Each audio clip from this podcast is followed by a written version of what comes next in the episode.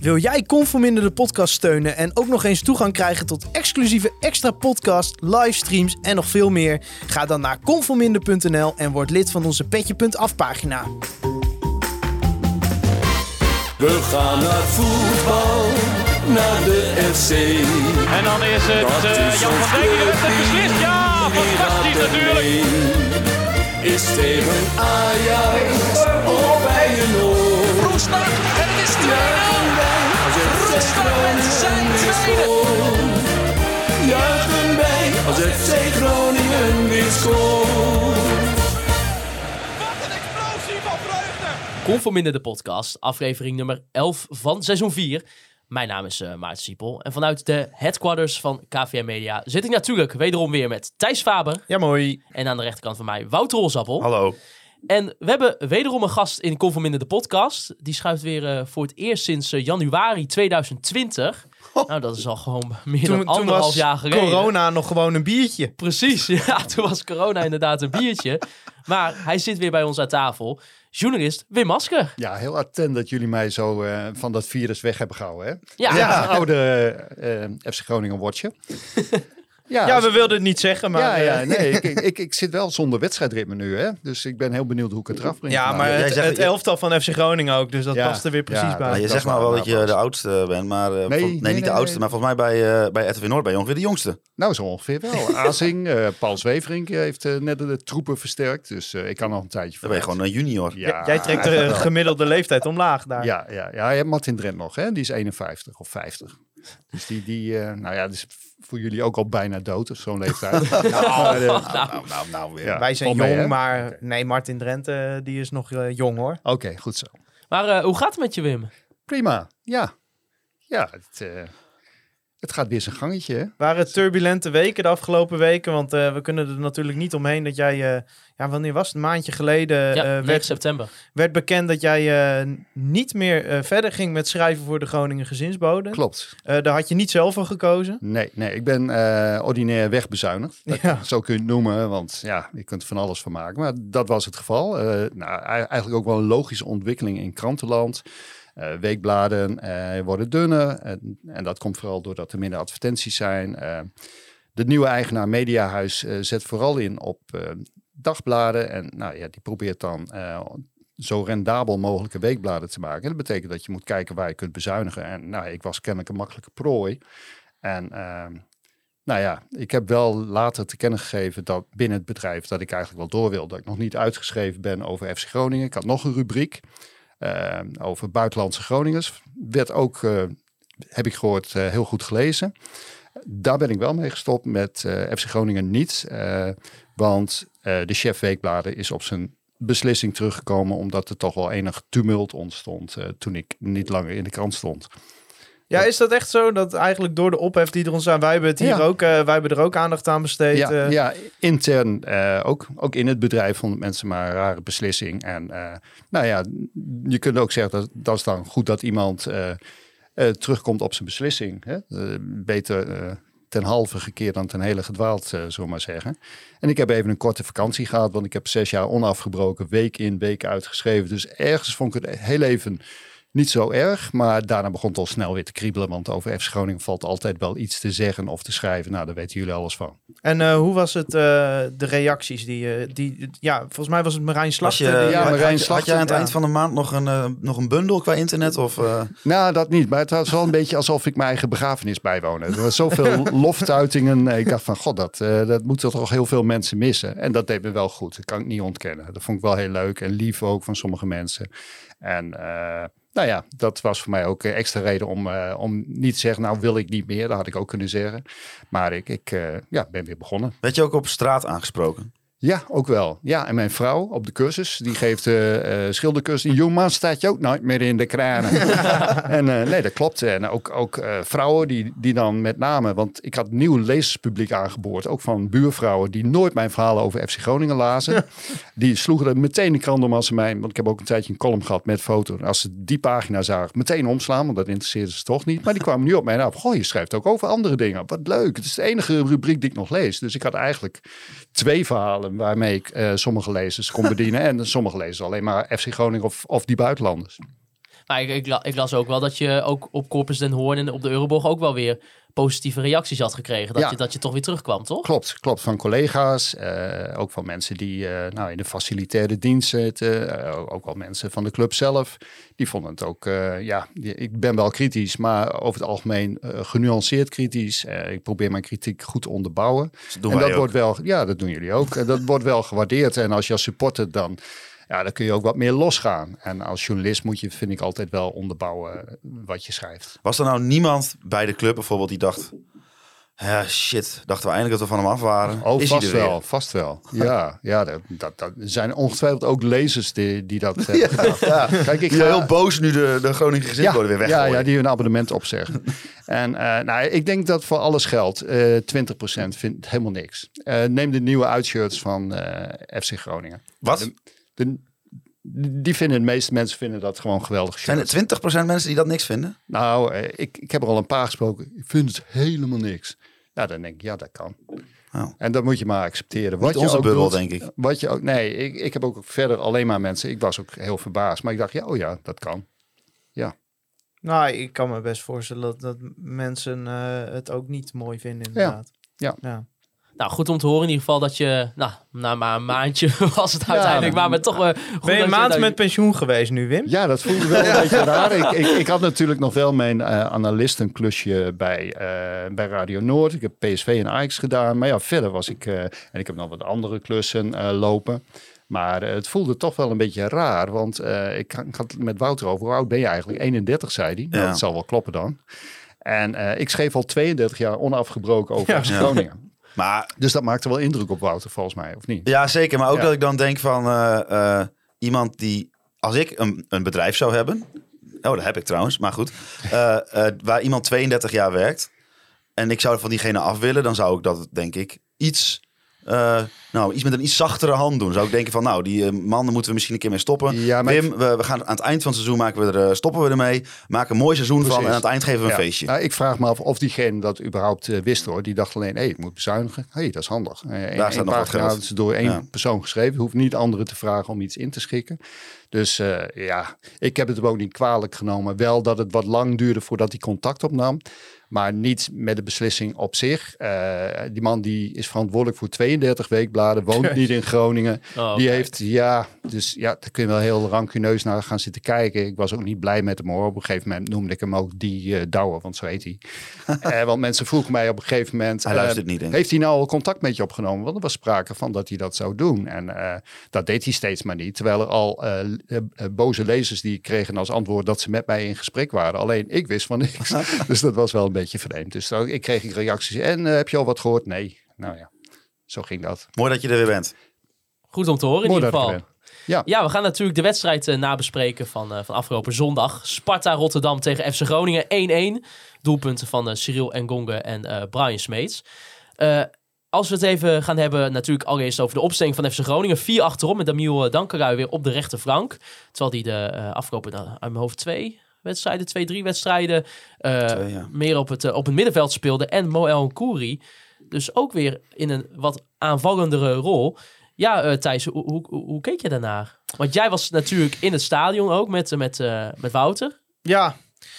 Ja, nou ja, kijk, het algemene gevoel wat ik aan deze wedstrijd eh, overhoud is eh, zeer teleurstellend. Het was zeker de tweede helft, was echt van beide kanten ondermaats. En ik denk dat je van Groningen gewoon meer mag verwachten dan wat we de tweede helft hebben gezien. Want dit was zo slecht. Er was geen idee eigenlijk. Weet je, Groningen heeft gewoon één keer gescoord door een goede actie met, met, met El over links en Ngonge die binnenschiet. Maar eigenlijk was het vanaf daarna eh, zo matig. Niks gecreëerd. Ook achterin was het echt, echt niet zo stabiel als we zouden willen. Dus ja, ik, ik kijk er een beetje op terug dat ik denk het past goed in het rijtje wedstrijden van de laatste tijd. Maar voor al die vorige wedstrijden had je bijna altijd wel een excuus. Weet je wel, de rare rode kaarten, eh doelpunten die afgekeurd werden. Er was nu gewoon geen excuus te verzinnen. Dit was gewoon een wanprestatie. Ja, ja die, die keuze voor Moel en Koeri weer aan de linkerkant in een wat meer aanvallendere rol. Een van onze luisteraars, Ivo Nieborg, eh, die vroeg ook, ja, waarom opeens deze switch? Eh, begreep jij het, Wim, van tevoren? Ik was wel nieuwsgierig van tevoren. Eh, ik, ik denk dat je Elan Kouri wel beter wat meer naar voren kunt hebben. Een echte rechtsback is hij niet. En als je met vier verdedigers gaat spelen, dan is hij al gauw rechtsback. En daar vind ik hem eigenlijk niet goed genoeg voor. Uh, linkerkant vond ik hem in het verleden ook vaak niet overtuigend, omdat hij uh, ja, eigenlijk geen geweldige voorzet met links heeft. Dat heeft hij trouwens wel gelogenstraft uh, met die bal op Strand Larsen. Maar ik zie hem liefst aan de rechterkant. Dan kan hij sneller voorzetten met zijn goede been. Dus ik zou Elhan Kouri liefst aan de rechterkant zien. Ja. Ja, het was natuurlijk ook wel uh, Damiel Dankelui weer op, op de rechtsbackpositie. Uh, was voor jou, Wouter, ook wel logisch dat ze met vier achterop gingen spelen en niet met vijf? Zoals met die toch wel een beetje de standaard is van, Nou, volgens mij is van het dit FC Groningen. Ja, volgens mij is het tot nu toe wel de beste eh wedstrijd gedelen met vier achterop gespeeld. Ja, als je tenzij je PSV die eh, uit... eh toen speelden ze gewoon goed met vier Laten we zeggen, sinds Matosiwa weg is, zijn de goede fases van FC Groningen altijd met vier achterop geweest. Ja, En zelfs tegen Twente was het dan wel heel extreem. Toen Groningen het- naar vijf gingen, toen ging het pas echt fout. Dus vijf Maar dan achterop. maar dan ga je... Wat, wat, wat er zo bijzonder aan is, denk ik, en ook voor de jongens, denk ik... Elke week staan ze weer allemaal ergens anders. Dan met vijf, dan met Ja. vier. Dan gaat Dankelui, hè, die heeft eh, eh, eh, geen voorbereiding meegedraaid. Moet hij in het midden, op het middenveld spelen, twee wedstrijden. Is hij ineens weer rechtsback. Gaat Moel en Koeri weer naar de andere kant. Het is wel dat, dat ik denk soms van, hè, waar, staan, waar staan ze nou? Oh ja, weet je, ik, ik, moet er al, ik moet er al best goed naar kijken. Ik kan me niet voorstellen als jij elke week een wedstrijd speelt... en je komt elke week op een andere plek met andere spelers te spelen... dat, je dat, dat het ook niet heel bevorderlijk is. En dan weet ik niet eens of, de, of, de, of Danny daar wel een keuze in heeft, Danny Buis. Nee, want dat is gewoon het gevolg van de selectieopbouw. Ja. Dat is de, er is voor gekozen om en heel veel onervaren spelers en heel veel spelers waarvan je vooraf al kon weten dat ze met blessureproblemen zouden gaan lopen. Dus of terugkomende blessures of blessuregevoeligheid of gewoon geen voorbereiding gedraaid, zoals Iran Dust eh, in Zweden geen, eh, ge- eh, niet heel veel minuten in de benen had. Jaya Kali had niet heel veel minuten in de benen. Dus al die spelers die zullen de ene week wel of niet kunnen spelen. En ja, zo krijg je een situatie dat Groningen heeft nu volgens mij al 27 spelers gebruikt dit seizoen. Ja. Ja, het was natuurlijk ook, hè, eh, Sparta Rotterdam die speelde tegen PSV eigenlijk best wel een hele goede wedstrijd voor hun doen. Eh spelen denk ik ook wel op, een- op een, ja, tot nu toe voor de plekken waar, waar ze denk ik echt wel ietsje hoger eh, kunnen gaan spelen. Maar Ja, dat Spart was ook niet goed hoor. Nee, nee, deze, nee, nee, deze wedstrijd helemaal niet. Maar het, het, het was natuurlijk wel... Voor, wij hadden met z'n drie in ieder geval een beetje al het, ang- het angstige gevoel. Eh, wat, wat had jij van tevoren van deze wedstrijd verwacht, Wim? Nou ja, ik keek naar vorig seizoen. En toen werd Groningen zevende en Sparta achtste. Dus toen verschilden die ploegen al niet veel van elkaar. En als je dan kijkt naar de mutaties, dan had Groningen er veel meer dan eh, Sparta. Ja, op de laatste eh, dag van de transferperiode zijn ze weliswaar Haroui nog kwijtgeraakt. Maar dat is dan ook de enige basisspeler. Duarte was geen basisspeler. Zijn broertje Diroy was geen basisspeler. Dat waren spelers van de, met, met een rol als Loenquist bij FC Groningen. Dus eh, breedte. Maar verder heeft Sparta zijn selectie bij elkaar kunnen houden. Heeft zelfs, zichzelf hier en daar in de breedte nog wat kunnen versterken. Dus op voorhand zou je niet mogen verwachten dat Groningen wel even van Sparta zou winnen. Gek genoeg heb je dat gevoel wel. Want je kijkt naar waar Groningen al tegen had gespeeld. En dat waren voor- vooral clubs uit het eh, tijdelijke linkerrijtje. En een groot aantal clubs die er ook wel zullen gaan eindigen, denk ik. Cambuur waarschijnlijk niet. En die is trouwens gisteren ook alweer uitgevallen. Maar je had toch het idee, nou, een aantal zware tegenstanders gehad. Iedereen is nu wat fitter dan twee weken geleden. Wie weet gaat het nu eh, toch een stukje beter. En dat was een enorme teleurstelling. Net als Thijs zegt, eh, na die tweede kans van Groningen, en meer kans hebben ze ook niet gehad, heeft Groningen aanvallend helemaal niets meer laten zien. Het was ook heel moeilijk om eh, twee, drie combinaties op te noemen uit de, uit, uit rest van de wedstrijd. Het was echt bedroevend. Maar waar heeft dat nou mee te maken, zat ik te denken op een gegeven moment? Want de spelers die er staan zijn niet slecht. Nee, zeker niet. En ik moet ook zeggen dat in de voorgaande wedstrijd de resultaten waren weliswaar niet geweldig, maar niet eens slechter dan vorig jaar op één wedstrijd. Nou, Willem II, die wedstrijd kunnen we waarschijnlijk nog wel herinneren. Ja. Dat was de, de, de, de herwaardering van eh Mo El Ankouri, of de eh, opwaardering. Ja, maar dat was een wedstrijd. Willem II Groningen toen en Willem II Groningen nu, dat waren eigenlijk vergelijkbare wedstrijden. Eh, de ene partij kan winnen en de andere partij kan winnen. Als je, als je de eh, expected goals terugkijkt van Willem II Groningen dit seizoen, had Groningen moeten winnen. Ja. Gebeurde het niet. En dat zijn van die toevalsuitslagen die je dan krijgt. En eh, Dus eigenlijk vond ik eh, Groningen nog niet eens zo heel beroerd spelen. Alleen het lukte maar niet om een hele wedstrijd goed te voetballen. tegen Twente een helft, tegen Heerenveen een helft, tegen Cambuur een helft, tegen PSV een helft. Nooit hele wedstrijden. En dan hoopte je dat nu eh Iran Doest weer eh, twee weken had kunnen trainen. Dat Duarte weer eh, wat langer had kunnen trainen. Dat, dat het team aan inhoud had gewonnen. En dat Iran viel me dus zo iets van tegen. Vier, vier of vijf touches, gelo- aanrakingen geloof ik. Ja, en hoe die dan ook invalt. Dan zou je denken, nou, ik hoef maar 20 minuten. Ga er volop. En dat zie je hem dan niet doen. Maar één keer dat hij wel zo'n actie dat hij de bal veroverde. Ja, maar je kunt ook wel zien dat hij kan voetballen. Eh, De manier waarop hij een bal paast, eh, er zit wel een idee aan. Hij ziet het ook wel snel. Maar komt hij in lijf aan lijf duels, Ja, dat is hij nog niet veel gemaakt. heel, heel... eh, Maar wat mij dus heel erg opvalt aan de selectie van Sparta en de selectie van Groningen... is dat de selectie van Sparta, die heeft in de as hebben ze Vriends, Ouassar, Smeets en T. En dat zijn vier spelers die allemaal op het plafond van hun niveau spelen. Ja. Die gaan nooit meer een stap omhoog maken. Nee. Maar die zijn wel allemaal... eh, nou, tussen de 28 en de 32, zeg maar, bij wijze van spreken. Dat zijn allemaal ook Ja. jongens die op Volgroeid. volgroeid zijn, volwassen. Dat zag je Ja. ook bij die Nou, je Vriends. zag hoe- Die Vriends vond het fantastisch, al die lange ballen. Ja. Die heeft zich echt, waarschijnlijk in de kleedkamer heeft hij tegen die andere, tegen zijn Nou, wat denk je van Beugelsdijk die er Ja. op een gegeven moment wordt Ja. ingebracht? Eerste wat hij doet op het moment dat, eh, Postema. dat Postema erin Ja. kwam. Zwieper. Die, die kreeg een zwieper, Ja. nog op de bal ook. Maar Ja. ja. dan weet je gewoon meteen, oké, die is gewoon eh, klaar voor de rest van de wedstrijd. Het is, het is allemaal niet kwalitatief heel goed wat ze eh, hebben in Rotterdam. Maar het het is is wel heel degelijk. oerdegelijk. Ja, en die organisatie Groningen kwam er gewoon niet doorheen. En, en Nee. dat is wel... eh, kijk, vorig jaar zeiden we dan vaak... ja, de kwaliteiten zijn er ook niet echt in de aanval. Om, om, Groningen leunde heel veel op individuele kwaliteiten vorig seizoen. Maar als je naar dit seizoen gaat kijken... ja, het is niet raar dat Cyril en Gonga verantwoordelijk is... voor meer dan de helft van de doelpuntenproductie van FC Groningen op dit moment. Want ook dat is een speler... en als je naar zijn goals gaat kijken... eh, waar we heel erg afhankelijk zijn van zijn individuele kwaliteiten. Ja, van zijn traptechniek. Want die is, heel, die is heel behoorlijk. Hij kan heel snel een bal in één keer raken. Ja. En, eh, Ja. Hij hoeft hem niet eerst eh, goed te leggen. Hij schiet meteen. En Ja, eh, ja, dat was gisteren ook Nou, hij zo. schiet al- hem gewoon echt Ja. goed binnen. en ook, als hij hem goed moet leggen, Sparta. legt hij hem ook in één keer goed. Ja, ja, zoals die wedstrijd, eh nou, voorlaatste wedstrijd. Ja, tegen Ja. was, eh, Twente. Nee, maar als je ziet Ja. hoe hij hem binnenschiet tegen Sparta. Hij Ja. schiet hem echt eh, gewoon strak over Ja. de grond. eh, terwijl die voorzet was niet perfect. Nee. Het is wel echt zo'n kunstgasgoal. Ik denk zo'n lage voorzet Ja. over een hobbelig veld. Dat was Nou, gaan stuiteren en dan was het lastig Ik geworden. vond het trouwens wel, ik weet niet hoe jullie dat hebben ervaren, eh, een, een slecht veld. Het leek een beetje op Ja. een kokosmat. Eh, bij, die, Ja. bij die eerste kans van Sparta eh, was ik ingesteld op een doorschietende bal. Maar die bal die remde ineens af, waardoor er een kans ontstond. Ja, het het, had na één minuut al 1-0 kunnen het zag er ook wat grijzig uit, zeg maar, Ja. het veld. Alsof het Nou. een beetje eh, ja, ruw speelde. Ja, Ja, Nou, ik heb net op het veld van Bikwik eh gestaan. Dat is nog iets slechter. maar Die- Bikwik is ook geen professionele voetbalclub in de eredivisie. Maar dan- eh, dan- is het, het is toch kunstgras daar, of niet? Ja, zeker. Is het een van de, samen met, eh met eh Heracles de laatste club met kunstgras? Er zijn er drie. ja, Drie, ook nog. Cambuur ook nog. Oh. Cambuur ook nog. Nou, dat hopen we dat het snel afgaat, want het ziet er niet uit. Maar dan staat het 1-1 in de rust. En dan, nou, dat begint natuurlijk de, de, de tweede helft.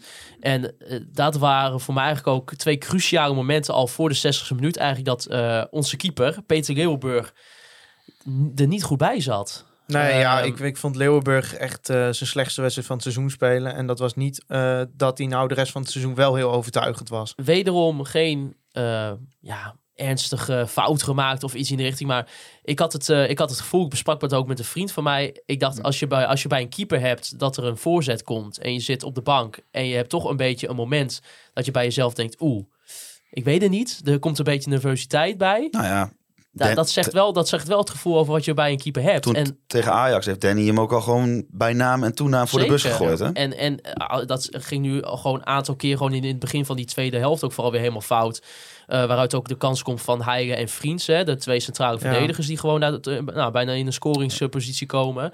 Ja, en nou, daardoor kwam er toch ook wel een beetje weer kritiek op Peter Leeuwenburg. Zo waren er ook bijvoorbeeld Mart Koops en P. Damio die vragen... eh, het wordt naar mijn mening misschien wel eens tijd voor een andere keeper. Enorm veel balverlies en slechte communicatie en onzekerheid destabiliseert hij de hele defensie. Is Leeuwenburg nog houdbaar of toch maar Jan Hoekstra proberen? Eh, ja, Wim. Ja, Het- dat zou ik niet doen. Ik Nee, heb Jan ja. Hoekstra vorig seizoen gevolgd. Elke wedstrijd kon je toen nog zien bij ehm ESPN. Eh, Jan heeft een paar hele goede wedstrijden gespeeld, maar ook heel veel wedstrijden waarin hij eh, fouten maakte, echt blunders maakte, heel onzeker oogde. Het zou ik niet doen, want dan, dan begin je aan zo'n, eh, ja, dan, dan Jan misschien een goede wedstrijd. Dat moet je niet doen. Je moet Leeuwburg, ik, ik vind wel dat hij onzeker is op hoge ballen. En ik vond hem in het begin vond ik hem eh, een verbetering ten opzichte van Pat met zijn, eh, met zijn uittrappen, met zijn bal in het spel brengen. Maar dat is ook helemaal Ja, weg. maar tegenstanders hebben ook door dat je wel druk op hem Ja. kan zetten. Want, dan, want hij kan, zonder dat er druk op staat, heeft hij een hele goede Ja. trap. Maar op het moment dat er druk bij komt kijken, ja, dan is het toch of zo die onzekerheid die erin slaat. En dan, Nou, het is lastig, want je kunt niet in iemands hoofd kijken, maar zijn hoofd staat niet op zeker. Nee, Als je het ziet van de buitenkant, zeg maar. En hij, die kritiek zal hij ook wel behoorlijk ter hart hebben genomen na Ajax. Dat is eh, flink aangekomen. Dat is ook ter sprake gebracht in de spelersgroep. Dat vonden de spelers niet zo fijn. En ehm, ja, eh, dus een, een keeper is toch wel een kwetsbare positie in het team. Eh, ik weet niet of het zo verstandig was om, eh, om na de wedstrijd meteen uit te vallen tegen of, of Nee, maar dat, bij Pat had het gekund. Ja, het pad was trouwens, eh, net als Leeuwburg, niet, niet geweldig. Zodra die bal van zijn rechtervoet naar de linkervoet, dan weet je al dat wordt een ingooi voor de tegenpartij. Ja. Of hij schuift hem in de voeten van een eh ja, maar goed, er is Ja. ons wel ook het verhaal verkocht Ja. van eh Leeuwenburg is beter aan de, aan de bal. Ja, ik, ik zie het nee, ik zie het nou in het begin. onder druk, ik- ja, maar onder druk zie ik het niet. Nee, en nee, nee, tegenstanders hebben het gewoon door. En ik vind ook dat hij te veel draalt. Dan denk je van, nou, handel dan snel. Ja. Wacht nou niet tot ze je drukken. Knal die dan bal toch maar naar voren. Want als je iets langer wacht, dan, dan, dan moet je zeker in paniek gaan trappen. Eh, knal hem dan maar eerder naar voren. En desnoods eh, schuin over de zijlijn. Zodat er een ingooi komt op de helft. Want ik kan best wel ver trappen.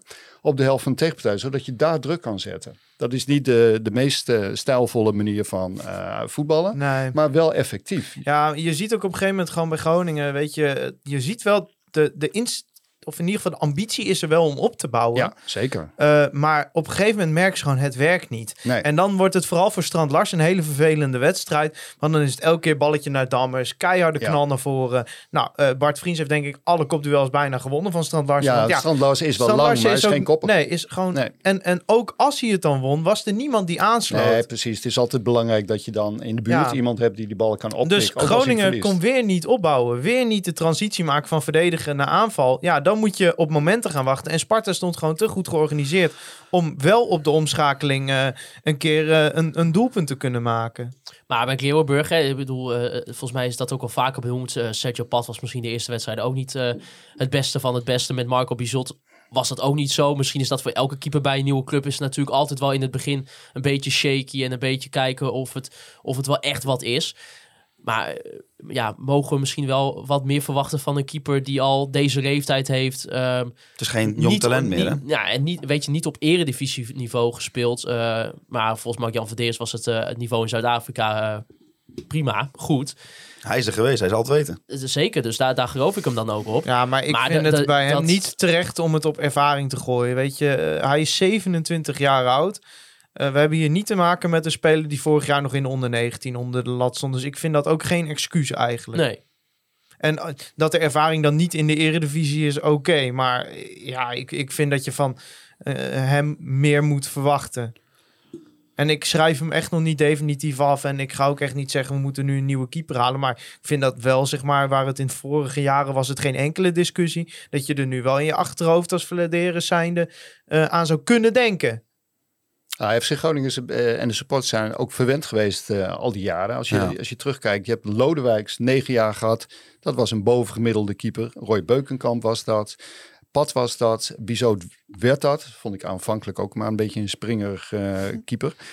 Ehm, ja, nu hebben we in Groningen een gemiddelde eredivisie keeper zoals Walter Haan. Eh, je hebt meer van die keepers. De, de ene week is het nou, best wel oké, dan lijkt het wat. En de andere week is denk je, nou, het is toch een beetje Maar gemiddeld. Pat was over het gemiddelde gewoon best compleet. Ja, die maar hij had, eh, hij was wel een lijnkeeper, hè? Maar een met een geweldige reflex. wel een lijnkeeper, ja. En dat, dat heb ik ook bij Stekelenburg, ach, eh, Stekelenburg, eh, Leeuwenburg nog niet gezien. Eh, hij wil ook bijna alles met de voeten oplossen, valt mij op. Je ziet hem bijna nooit eh, een bal uit de hoek duiken. Dat was ook een vrije trap, dat hij hem Ja. ook even Ja. met, eh met de voeten. ja, Ja, nou ja, dat kan ook een pluspunt zijn. De- Ja. In dit geval deed hij het gewoon heel goed. En het is ook zeker niet zo, dat, dat zei, meen ik ook al, eh, Maarten, dat, en dat hij echt blunders maakt. Maar het is al een paar keer dat ik dacht van... Maar hij hmm, pakt ook geen punten, vind ik. Ja, dat ik dacht, moet hij de, had, hij, had hij die niet kunnen Nou, hebben misschien? bijvoorbeeld eh, de Mhm. 1-0 van Ajax. Ja, eh, in die wedstrijd in Amsterdam eh, een paar weken terug. Hij een sprint naar die ene hoek, waardoor die kansloos is. ja dat was gewoon een fout hoor. Dat, dat, was, geen, eh, dat was echt een fout. Eh, Ja. je, gaat, je, je nodigt als het ware de spits uit. Nou, of, of het was Alvarez, was geen spits. Uit van, nou kom hem maar in deze hoek. Dat, Ja. dat was gewoon een stap te ver. En Ja. misschien heb je ook nog wel een beetje het gevoel, omdat je al een beetje nerveus naar hem zit te kijken, dat je bij eigenlijk bij elke tegengoal gaat denken al automatisch van, oeh, had hij daar misschien Ja, wat meer kunnen doen, terwijl je dat ziet misschien bij gewoon- Sergio Pat dat niet had Sergio. Pat heeft ons in zoveel jaren, of in zoveel momenten in de wedstrijd, dat hij ons er doorheen heeft gesleept de afgelopen jaren. ja, iedereen En- vond het ook prima als hij een keer een foutje Ja, en, maar bij Leeuwenburg is, je hebt niet het gevoel dat er een keeper staat die voor jou punten pakt, die jou in de wedstrijd houdt, die jou... Ja, Ik kan me dat, van dat, Pat ooit nog herinneren dat hij die bal op zijn hak kreeg tegen Heracles. Ja. ja, maar, Maar dat is het volgens mij, is de grootste eh, blunder, denk Ja, maar Sergio Pat heeft hoeveel wedstrijden voor Groningen? Ja, honderden. Ja, zat Die had per seizoen tussen. ook wel vier fouten. Maar Ja. daar stonden dan 30 wedstrijden. Want hij speelde immers altijd 34 wedstrijden. Ja. Had hij 30 wedstrijden eh, redelijk tot heel goed gekiept. En eh, een aantal wedstrijden dat hij, wat jij zegt, zes punten pakte wel in een seizoen, denk ik. Minimaal. En, en zover, eh ja, Leeuwenburg heeft wat mij betreft nog niet echt een punt gepakt voor Groningen. Nee, maar ik, Al vind ik hem ook niet echt slecht hoor. We moeten ook niet te veel nadruk eh, leggen op. Het het maakt voor de jongen Ja. alleen maar moeilijker. Hè? Nee, dat maar- iedereen heel kritisch op alle ballen gaat letten.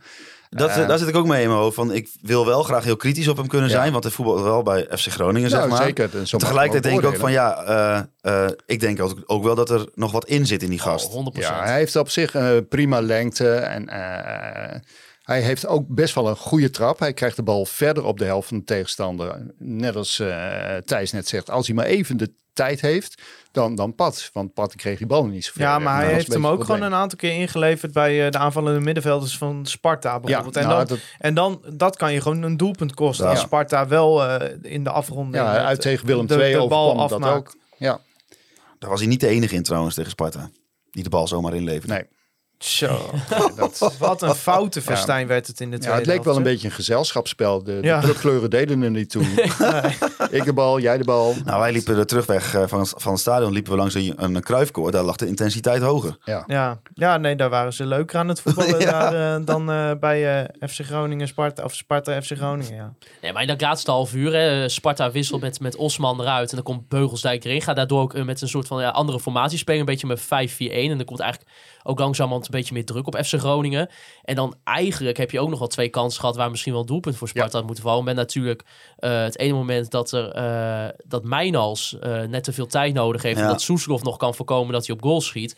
En natuurlijk nog in de 91ste minuut eh, de enorme kans voor Emega die Ja. inviel. Tja, Ja, heb ik niet het idee dat hij kan koppen. Dus die tel ik eigenlijk niet. Nee, nee, nee. Nou, nou, nou, daar heb je maar geluk mee gehad, Ja. inderdaad. Want eh Damiel uh, Dankelui die speelt uh, Wessel Dammers even verkeerd in. En ja eh, maar vervolgens komt hij voorzet. En, ik heb eh, geen ja. enkel moment het gevoel gehad dat Groningen nog een 2-1 ging maken. Ook niet dat je een keer per ongeluk tegen een corner aanloopt. Groningen speelde zo'n kansloze wedstrijd. De en toch zijn het weer de twee eh, jonkies die wat mij betreft... Ja, maar had wel één grote fout, uh, Casanvirio. Maar de twee jonkies die wat mij betreft weer met kop en schouders boven de rest uitstaken. Casemiro en Soeslof. Ja. Ja. en Ngonge. kun En Ngonge, ja. Ja, de Gonga vond ik trouwens niet goed spelen hoor. Hij had wel een aantal hele goede momenten, maar ook momenten dat, dat je dacht, Ja, maar dat is ook wel een je beetje het type Ja, speler. Dat hij zeker, is nou ja, daar, waar hij die acties inzet, kun je het ook nog enigszins veroorloven. Maar ik heb ook wel, eh, het zou me niet verbazen als Buis op de Gonga doelt, eh, als het om niet goed omschakelen gaat. Nee, dat, Want dat, zie ik ook eh, geregeld voor mijn neus gebeuren. Dat de Gonga een beetje zo terug shockt. En niet echt heel veel aanvallen van de tegenpartij gaan via de linksback van de tegenpartij. Nu staat hij een beetje zo rechts binnen. Het is niet echt een rechtsbuiten. Eh het is mij ook niet helemaal duidelijk per wedstrijd eh, wie de taak heeft om de linksback eh, te volgen. Maar de Gong is dat in ieder geval niet. Nee, nee, ja, die heeft een beetje de rol die Soeslof vorig jaar aannam Ja. misschien. Ja, nou ja, de- En daar was Buis ook altijd kritisch op hoe Soeslof omschakelde. Nou, daar is tegenwoordig weinig meer eh, van te zien. Want ik denk niet dat er iemand is die meer meters maakt dan Nou, Soeslof. hij wint eh, ook heel veel Groningen. duels. Ik zag laatst een statistiek dat hij eh, qua winnen van duels tweede stond. Ja, moet je nagaan. Ja, dus eigenlijk doet hij niet eens zo heel veel minder dan eh Azor. En voetballend is hij zelfs eh, beter. Ja. Alleen je, je mist hem in een iets meer aanvallende rol. Ja, absoluut. Nee, kijk, dat zeggen we ook hier al vaker. Kijk, het is... Jammer dat door de selectieopbouw Soeslof daar gebruikt moet worden. Maar hij doet het wel Hij doet het uitstekend. Ja, ik denk dat hij per saldo niet eens zo heel veel minder is dan Azor. Alleen, eh, het zou fijn zijn als Azor Nou. ook nog was. Dan, heb je, eh, dan kun je Soeslof eh, als een van de twee achten wegzetten. Maar Soeslof heeft aan de bal natuurlijk wel iets vluchtigs. Dat moet, het moet allemaal snel en Ja. naar voren. Hij ziet En het ook heel En snel. A- hè? A- Azo- Azo Matosiwa had nog wel een bepaalde rust in zijn, in zijn spel. Ja, Als maar ook bal, wel eens te veel rust. Hè? Iets te veel Dan- rust soms. Dan ging hij lopen. en Hij heeft een korte periode gehad dat hij dat kwijt was. Dat was het begin van vorig seizoen. Maar na zijn blessure zag je Azor heel vaak met de bal aan de voet. En had hij niet in de gaten Nee, dat maar- er iemand van achteren kwam om de bal af te pakken. Dat klopt wel, maar hij, hij bracht, soms moet je Ja. even temporiseren om weer eh, Jawel, een, dat- aanval. En bij Soeslof is meteen, die draait open, Ja. die tikt de bal dan altijd net iets te ver voor zich uit. Nou, dat was gisteren wel een paar keer het geval. Dat is toch dat- wel iets Of dat nou een even- kunstgas lag, want ik zag dat bij meerdere spelers. maar Soeslof heeft dat wel in zijn Ja, spel. Ja, En dat is prima als dat 40 meter hoger gebeurt. Ja. Maar goed, eh, hij doet het inderdaad fantastisch in principe. Ja, hij is gewoon eh, een buitencategorie speler voor FC Groningen. Zeker op die leeftijd. Ja, als je kijkt wat voor een geweldige carrière die doormaakt bij FC Groningen. Komt op zijn zestiende hier.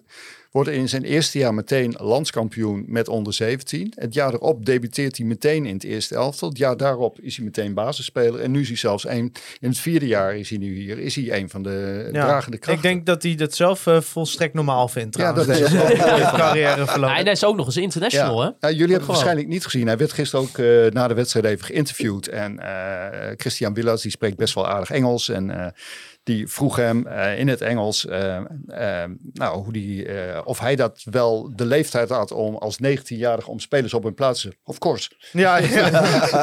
ja, natuurlijk wel. En eh, ja, ze moeten luisteren. ja, Weet je eigenlijk of hij ook Nederlands kan? Of, Hij verstaat het wel. Het spreken is wel lastig. Ja, En, moeilijke taal om, ja, om te schakelen. Ja. Had jij het idee toen hij bij FC Groningen kwam? Ik, ik neem aan dat je hem ook wel veel hebt zien spelen Ja. op Koppers den Hoorn. Had je verwacht dat, dat hij zich zo snel zou ontwikkelen hier? Nee, want hij had ook wat minpunten. Hij kon zich heel slecht beheersen. Had eh, vaak aan de stok met de scheidsrechter. Maar eigenlijk dat verhaal gold ook voor Suarez. Dit zijn gewoon winnaars. Die jongens, en, en wat hij altijd wel had, en dat hou ik heel erg van bij spelers, gewoon heel zelfverzekerd. Dat had Sivkovic ook. Ze, ze, vonden, ze vinden zichzelf wel iets beter dan ze zijn. Maar dat is beter dan een speler die eh, bang is om fouten te maken en dan maar weer een balletje breed speelt. En dat, dat zie Ja. ik een beetje bijvoorbeeld bij een ander groot talent, Daniel van Kaam. Daniel van Kaam kwam er op een gegeven moment in omdat hij juist risico nam in zijn spel. Dat doet hij de laatste tijd niet meer. Waardoor Buis zoiets heeft van, ja, dat hoef ik je ook niet op te stellen. Want een bal veroveren doe je niet in een lijf-aan-lijf duel. Ja, dan kan ik net zo goed iemand anders opstellen. maar bij een eh, jong Oranje zie ik hem dan wel wat beter spelen ineens. Maar viel je ook iets op in de opstelling? van ja, hij stond de linker aanvallende middenvelder. Ja, want eh, achter hem speelde Reis. ja, Reis en Timber. En Timber, ja. Dus hij was je, je- in die controleursfunctie heb je niet zo heel veel Nee. aan. Dan moet hij echt naast een Soeslof of, of een Azor Nou ja, dat was wel mooi. In onze Twitter eh, de, eh, eh, berichten stond één iemand die zei... moet Van Kaam niet op zes. En volgens mij heb jij nergens op gereageerd op Twitter. Maar half op die zei je meteen nee. Nee, nee dat, dat moet je hem niet aandoen. Hij heeft één keer trouwens wel goed gespeeld in die rol. Dat was in, in een wedstrijd waarin hij inviel tegen Twente. Nou, dan was hij heel agressief. Hij was waarschijnlijk een beetje boos op Buis. Hoe kan hij mij nou passeren? Want dat denken alle spelers hoor. Dat is niet, dat- typerend voor eh, Daniel. Wat ik trouwens een hele grappige en intelligente speler vind. Alleen hij heeft niet eh, het vermogen om een lijf aan lijf te wel. Dan zie je hem altijd het onderspit delven. Dat zie ik trouwens ook bij Duarte. Dat zie ik ook bij Joosten. Dat zie ik ook bij Iran Doest. Dat zie ik ook bij Dankelui. Zodra hij een iets steviger... Dus gewoon je moet uitkijken dat ze niet te veel van dit soort spelers in de selectie heeft. Want in dat opzicht heb je behoorlijk uh, je hebt een zeefuik, heb je Dankelui voor gekregen. Van Hintem voor Memisevic of Chabot. Je, je wordt fysiek steeds zwakker. Uh, ja, dan wil je de sterkste en fitste selectie van uh, de Eredivisie hebben. Maar dan moet je ook dat soort spelers uh, voldoende in selectie houden. En Eigenlijk heb je nu alleen Dammers die echt uh, in de lucht... Dammers, ja, je, Dammers had tegen Twente een on, heel ongelukkig moment. Maar ik vind hem wel beter dan vorig jaar. Ik vind hem ja, zelfs iets, iets wendbaarder geworden. Uh, op kunstgras komt dat misschien wat minder ze uit. Ik vond, maar ik vond hem gisteren ook eigenlijk best wel voldoende op één of twee fouten na. Ik vond hem, Van Hinten uh, en de twee jongen die jij terecht noemde, Soeslof en, uh, en, en Nana, die, die, die waren ja, prima. Van Hintem is altijd degelijk natuurlijk. Ja. Ja, ik blijf me echt elke wedstrijd verbazen over Casemiro. Ja. Mo is eigenlijk ja. ook degelijk geworden, alleen die had gisteren absoluut zijn dag niet. Nee. Die, uh, die liep er ook een beetje verslagen bij. Ja. ja, die was op een gegeven moment ook, volgens mij zat hij er helemaal doorheen. Ja. We kregen aan de zijlijn een balletje toegerold ja. en uh, nog ging hij over de zijlijn, omdat hij hem niet kon controleren. Ja. En, nou, dat is niet typerend voor Mo. Ik, die heeft, nou, dat vind ik echt geweldig hoe die jongen zich eh, ontwikkeld heeft. Dat is ook een voorbeeld voor eh, alle jonge talenten.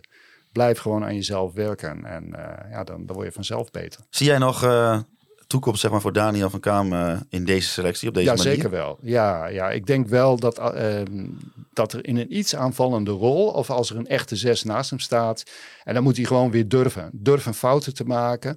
En natuurlijk geen eh, onverantwoorde risico's nemen, maar wel gewoon blijven wegdraaien. En wel ook werken aan zijn trap. Want dat is wel een minpuntje van hem. Hij heeft niet echt een geweldige trap. Maar hij, nou, Geen dat, zeg, schot en ook niet dat een- zeg je nou wel, maar hij nam eh, een corner bij Jong Oranje, die werd er binnengekopt. Ja, ja, klopt, dat wel. Dat is een stilstaande situatie. Ja, oké, hij, kan niet hij, als- hij probeerde gisteren van een meter of twintig nog een bal Ja, maar- eh, uit de lucht eh, het doel in te schieten. Maar Daniel moet gewoon een beetje boos op zichzelf worden. En niet op een trainer of wat dan ook. Want die jongen die kan echt heel goed voetballen. Ik durf te zeggen dat ik hem na Robben, en dan reken ik Soeslof niet mee, want die, is niet, eh, die komt niet uit de regio, het grootste eh, Groningse talent vind eh, wat ik heb gezien in al die jaren. Maar is een beetje ook die, die slechte trap misschien ook bijvoorbeeld Nou, de een reden slechte waarom trap heeft, geen, hij heeft alleen, er zit niet heel veel venijn in. Je hebt nog nooit een, dat je tegen elkaar zegt op het zo, dat was een streep. Wat Soeslof bijvoorbeeld, daar zit wel kracht achter. Maar is dat ook bijvoorbeeld de reden waarom we hem nooit echt meer zullen zien in de rol waarin hij misschien wat vroeger in de jeugd wat meer speelde? Nou, hij speelde in de jeugd meestal op 10. Hij heeft ook wel aan de, op 7 gespeeld, ook wel eens op 11, maar vooral op 10. En hij maakte toen ook al niet heel veel goals. Nee, precies. Hetzelfde geldt trouwens voor Soeslof. Eh, in dat kampioensjaar scho- scho- scoorde Groningen nou vier goals per wedstrijd. Ja, waar alle Eh, vier werden gemaakt door Postema natuurlijk. nou, meestal Postema en Sloor. En Sloor, Vergeet ja. dat niet. Dat is ook een echte jongen die heel makkelijk scoort. En eh Soeslof had dat seizoen iets van 5, 6, 7 goals, meer niet. En eh, niet echt een, eh, het is meer een voorbereider, een passer. En hij heeft ook best wel een gevaarlijk schot, maar niet een schot wat nou altijd doeltreffend is. Het is meer oeh, net niet. Maar om, om, die, eh, om die generatie nog even door te voeren. Hè? Want volgens mij Slor die speelde daar linksbuiten. Ja. Met Meijer achter zich, toch? Eh, ja, in dat jaar had hij eh Meijer achter zich. En hoe zie Want hij heeft dus... Nou, hij is ingevallen. Dat ging vrij aardig. Dat, dat zag er best wel oké uit. Toen Ja. kwam, met, moest hij basis spelen. Ja. Dat zag er wat minder uit. Hoe zie jij zijn... eh, Ja, Slor heeft het nu ook moeilijk bij, eh, bij Emmen. Is nee, daar ik bedoel nog- eigenlijk Bjorn Meijer. Oh, Bjorn Meijer. Ja, Bjorn Meijer is een speler die, eh, die ik nooit tot de grote talenten heb gerekend. En dat kwam ook omdat hij al eigenlijk vanaf de, de, de C-junioren, heette dat toen nog, van zeg maar de onder 14, onder 15, eh, groeiproblemen had. Hij was heel vaak geblesseerd, kon hij niet spelen. Ehm, pas in de onder 17 eh, begon hij echt door te breken als linksback. Want hij heeft op allerlei posities gespeeld, ook eh, op zeven. Eh, hij had best wel een goed schot vanaf het begin dat hij bij Groningen kwam. En ehm, nou, oh, en toen speelden ze eigenlijk ook al een beetje met drie centrale verdedigers. En Meijer aan de linkerkant. En een jongen die jullie nog niet kennen, Miyaki aan de rechterkant. En dat zag er echt eh, geweldig uit. En dat deed hij heel goed. Maar hij heeft ook het liefst een aanspeelpunt voor zich. Een, eh een linkerspits waar hij dan overheen kan. En heeft hij ook best wel een goede voorzet. Eh, als hij eh, wingback moet spelen zonder iemand voor zich, dan heeft eh Björn het mij moeilijk. nou, dat Hij- zag je tegen Herenveen toch. Ja, dat, dan Ging hij hij, de hele tijd terug naar Swerko Ja. en die zat er ook niet lekker in in die wedstrijd. Nou, je Ja, kunt het een ja. beetje vergelijken met Wijndal en, en eh Philip Max. Die hebben ook een linksbuiten nodig om met z'n tweeën eh, die overlap te verzorgen. Ja. Goodmanson had dat niet nodig. Nee, die rende gewoon die zelf deed het gewoon in zijn eentje. Ja. Dus ik denk dat Goodmanson eigenlijk de beste was van die, van die eh, wingbacks in Nederland. Ja, dat, eh, van zijn soort wel, denk Ja. ik, ja. Ja, Ja, je noemde ook al Kian Sloor. eh, iemand die inderdaad weinig speelt bij, bij FCM. Tot nu toe maar vier magere invalbeurtjes gehad. Eigenlijk niet langer gespeeld dan 23 minuten. Andere FC Groningen speler, Joël van Kamer, heeft dan vijf invalbeurten. Maar ook niet meer dan 26 Nee. minuten gespeeld. Dan kwam Christian met de vraag. Die eh, had een vraag voor jou. Die zegt, heeft FC Groningen wel goed aangedaan om Sloor en Joël van Kamer te verhuren aan Emmen? Waar ze tot nu toe niet eh, echt heel veel speelminuten krijgen. Nou, je kunt je wel afvragen, waarom komt Emmen zo laat pas? Heb je dan echt wel een plan met, met die jongens? Eh, want als je die jongens heel graag wil hebben, dan hou je ze toch veel eerder bij de club. Maar heeft Flederis daar niet wel op aangestuurd in de onderhandelingen bijvoorbeeld dat er wel gewoon een plan voor die gasten was? Nou ja, ze zullen ook wel. Ik, eh, bij Emmen heb je ook nog een bu- buiten een onder 21 ook nog een eh, reserveteam. Ik meen dat die vandaag ook gespeeld hebben. Ik neem aan dat ze daar wel minuten maken. Eh, het nadeel van Kian en Joel is, en dat geldt ook voor Sam, Sam Schrek, is dat ze het afgelopen jaar door corona niet gespeeld hebben. Nee. De enige minuten die ze gemaakt hebben, waren die hele mini korte invalbeurtjes bij Ja, het of, eerste. eh, Joel heeft dan nog een paar keer eh, drie basisplaatsen Ja, gehad. twee, twee, drie Ja, basisplaatsen. werd hij vaak ook nog gewisseld. Dus die jongens hebben misschien in een jaar tijd iets van 270 minuten gespeeld. Ja. En dan ook nog verdeeld over meerdere wedstrijden. Dus hun niveau is flink gekelderd. Ja, zou je bijna zeggen, dan kunnen ze misschien beter eh, gewoon een jaar vol in de onder 21 spelen dan Nou, dat ze dat- nu bij, eh, bij Emmen hebben. Dat heb ik ook, ook nog wel gedacht. Eh, maar aan de andere kant, eh, als ze goed genoeg willen zijn voor het eerste, dan moeten ze ook in staat zijn om eh die jongens van Emmen eruit te spelen. Het is voor die jongens ook wel weer goed. eh, Want die zullen wel eens gedacht hebben, waarom geeft Buis maar geen kans? Nou, Lukking geeft ze nog ook nog geen kans. Nee. Dus kennelijk moet er nog wel iets, iets verbeterd worden. Nee, Het voordeel is van zo'n- natuurlijk wel nu een, een...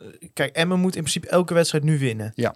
Eh, ja, er zit altijd wel een bepaalde druk Als jij op. nu ja. een onder 21 speelt, dan kom je daar ook een beetje... Dat voelt voor die gasten ook een beetje als weer van... Ja. Oh, worden we weer in de onder 21 En je, speelt daar ongeveer 80 wedstrijden per jaar in de Jupiler League of in de KKD Ja. toevallig. Dus die krijgen ook Ja, maar minuten het is, ook nog het is voor de jongens die al aan het... Dat, dat is ook een probleem. Je, je kunt spelers misschien ook iets te vroeg brengen. Waardoor, ze het, waardoor het eh, heel moeilijk voor ze wordt om weer terug te gaan naar onder 21. Eh, ze hebben een beetje het gevoel dat ze daar zijn uitgeleerd. En op, dat klopt ook wel een beetje. Want om tegen de rechtsback van NEC onder 21 te spelen... die waarschijnlijk toch nooit het eerste van NEC gaat halen, NEC gaat halen... ja, wat word je daar beter van? Je speelt niet elke week in die onder 21 competitie tegen een jongen die waarschijnlijk ook eredivisie gaat halen. Nou ja, Remco Balk die gaat van onder 21 naar onder 21. Ja, in feite wel, ja. ja ik vind nog altijd jammer dat hij eh, vertrokken is bij Groningen. Eh, dat, dat is wel een speler waar ik het vanaf het begin wel in heb zien zitten. Het is wel een hele onconventionele voetballer die je niet eh, makkelijk eh, op een positie pint. Hij is geen rechtsbuiten, hij is geen linksbuiten, hij is eigenlijk ook geen echte nummer 9.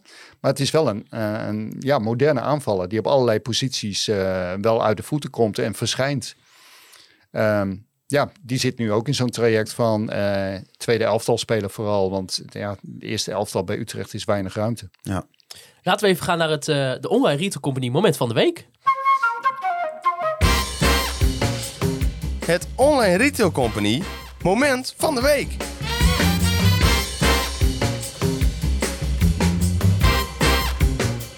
Ja, want in de Retail Company moment van de week bespreken wij ons moment van de week. Gesponsord door de Retail Company.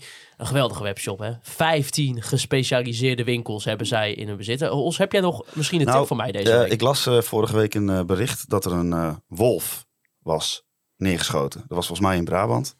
Nou, dat is natuurlijk een triest bericht. Ja. Want je moet een wolf niet neerschieten. Zeker niet. Maar als je nou naar Gallagherwinkel.nl gaat, dat is niet van die band waar jij zo fan van bent, eh Faber. Niet van Liam Gallagher Nee, en nee, Noah nee. Gallagher van Maar eh, Oasis. je schrijft het wel zo. Eh daar kun je bijvoorbeeld een, een, een wolvennet kun je daar kopen. Nou, Dat is gewoon 50 meter. Een dubbele pen is het trouwens, Thijs. Een dubbele pen. dubbele Nou, dan pen. weet je zeker dat je goed zit. Dat je weet, zeker, zeker dat je goed zit. geen elektrische William Pomp? nee, geen elektrische William pomp. En eh, zet dat gewoon in je, om je schaapjes heen. Dan eh, hoef je de wolf absoluut niet af te schieten. Nou, misschien wat voor jou in Fries thuis. In de Eh, achtertuin. Ja, Ja, je hebt geen schapen, maar Ja. ik denk wel wie weet. ik woon inmiddels eh, in de stad eh, al anderhalf jaar. maar, ja, maar misschien voor jou. Jij, Ja. jij, jij bent zo enthousiast van die dubbele pen. Ik denk, nou... ja, nee, ja, allicht. ja. De Nou, buurman heeft wel schapen in Nou, Fries. dus- Nou hier. ja, precies. Thijs, wat was jouw moment van de week?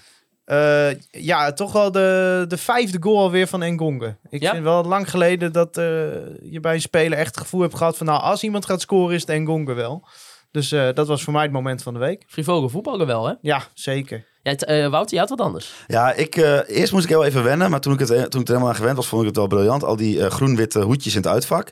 Ja, en dan met een speciale vermelding voor één persoon. De me- heel veel super- eh, FC Groningen supporters kennen hem wel. eh, eh, Alfred Maral. Koffie. Die heeft, een, die heeft die gigantisch mooie eh, baard heeft hij, tegenwoordig. Die overigens bij een- ook bij mijn kapper wordt die onderhouden. Ik zal de naam niet noemen.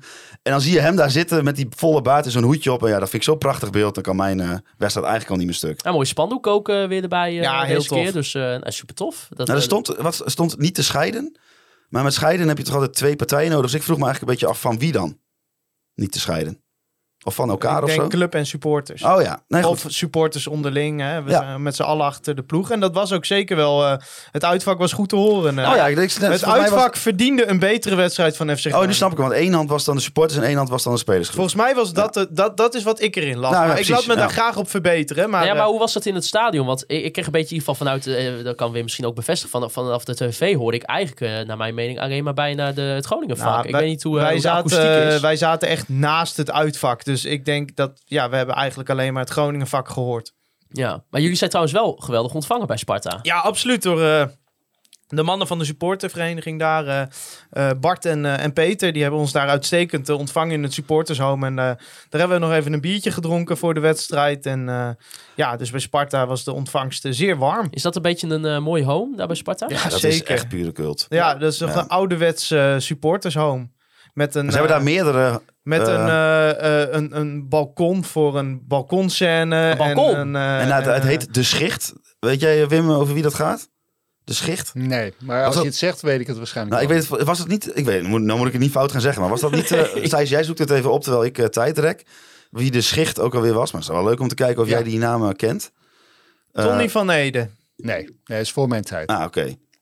En wij zaten op de Bok de Korver tribune. Ken je die wel? Die naam ken ik wel, ja. Dat was een- volgens mij een eh stoppig spil. Of, Oh, Ja, dat, dat was eh, vroeger de, zeg maar de centrale verdediger. oh ja. ja. verdediger in een driemansverdediging. Die had je toen ook al.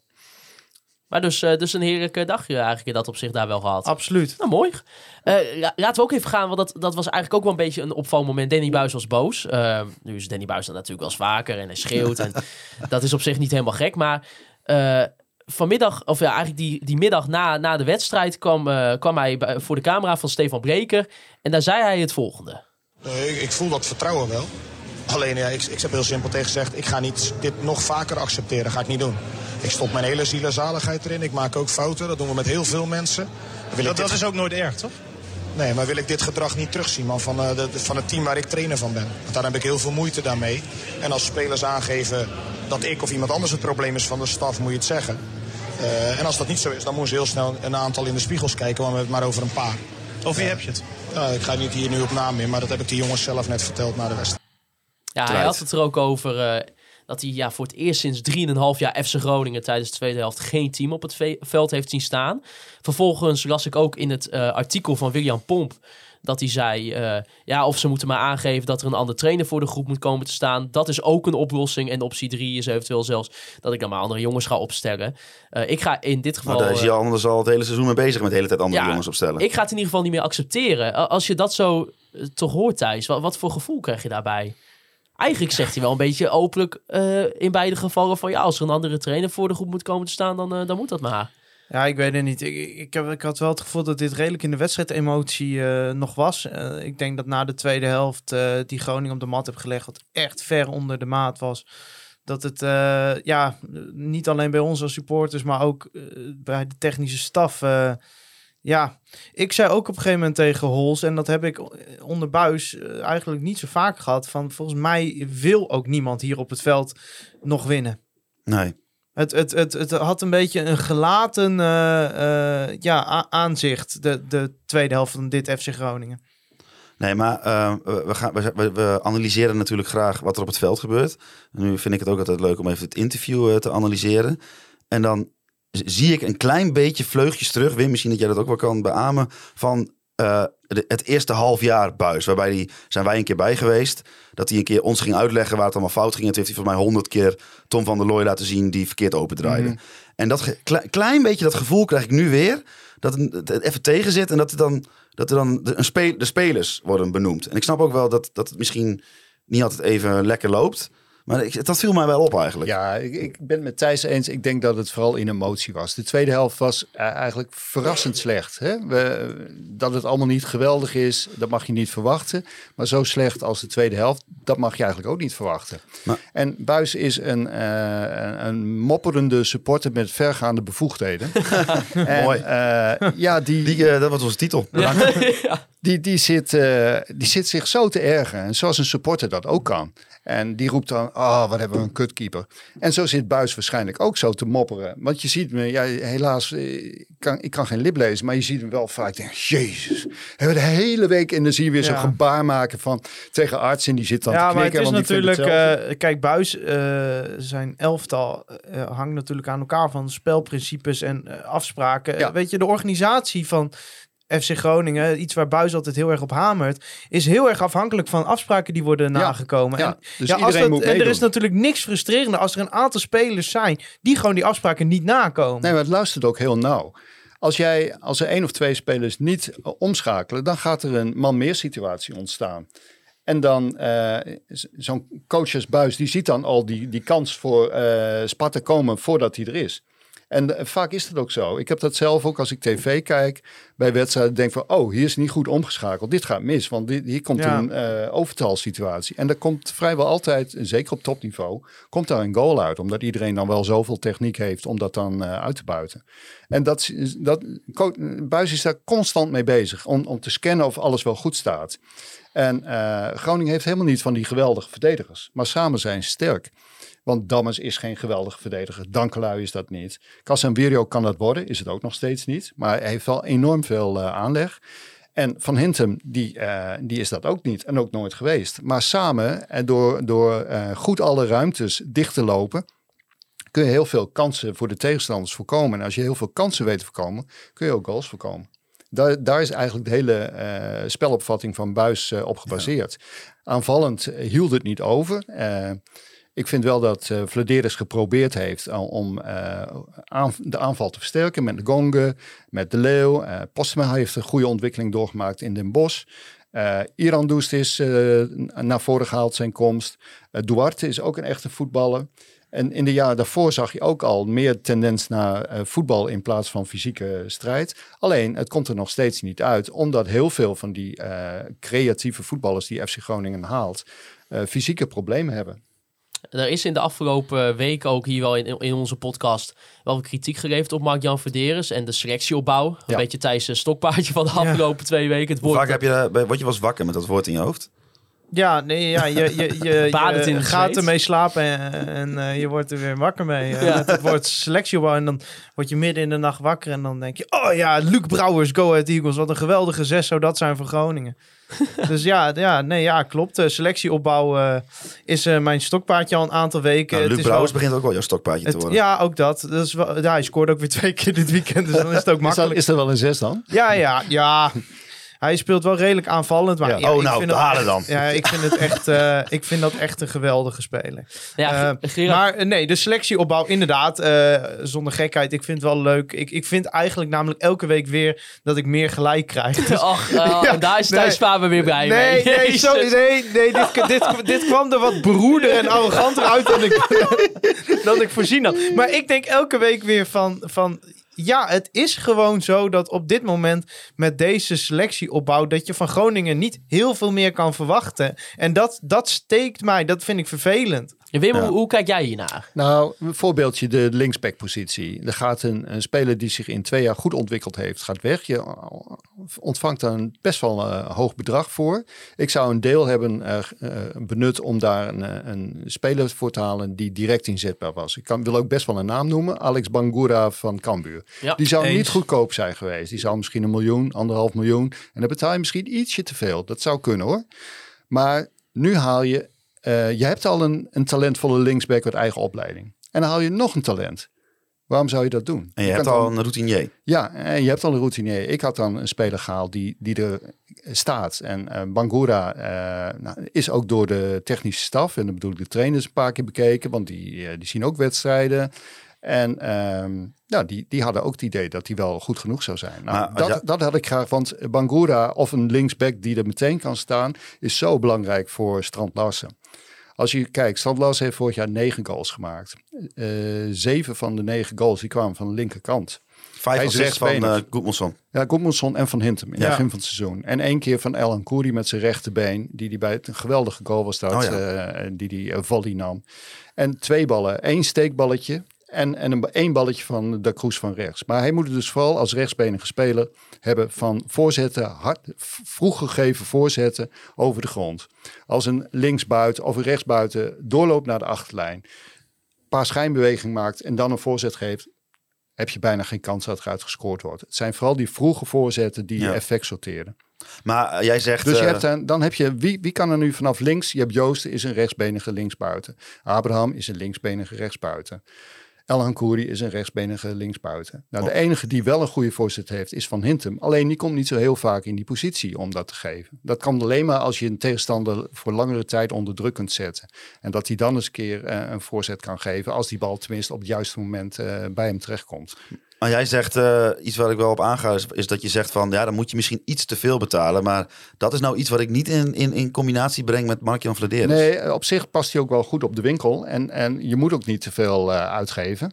Maar je moet ook een beetje eh, kijken naar eh, televisiegelden. Wat nu dat je hier Ja. niet uitkomt. Kijk naar Willem II en Emmen vorig jaar. Die dachten ook van, ah, we gaan door. We, we zijn het jaar daarvoor zijn we 60 geworden. Emmen 12 en dat ging steeds beter. We gaan nu een aanval doen, eh, een serieuze aanval doen op het linkerrijtje. Nou, dat is niet goed gegaan. Nee, het is eigenlijk een beetje ook misschien wat Pax Volle wel misschien eh, gedaan heeft. Ja, je, je moet ook kijken van, eh, ja goed, het kost wat, maar het levert waarschijnlijk ook wat op. Misschien is Bangura wel niet zo heel goed als Goedmondson, maar hij, hij kan wel een, een bepaald niveau. Dat vinden, vinden meerdere mensen. hè. En eh, ik, ik denk dat je daar die investering had eh, kunnen doen. En eh, ik denk dat dat wel beter is geweest dan een Kelly halen. Van wie je nog maar moet afwachten of hij het niveau heeft. Van mensen die het Scandinavische voetbal volgen. Die heel enthousiast waren over Iran Doest. Die waren dat niet over Kelly. Nou, ik, ik, ik vind daar nog wel een toevoeging aan. Er wordt ondertussen wel door Mark-Jan Vladeris een doelstelling bij deze technische staf neergelegd. Dat hebben we ook in dat stuk in Voetbal International kunnen lezen vorige week.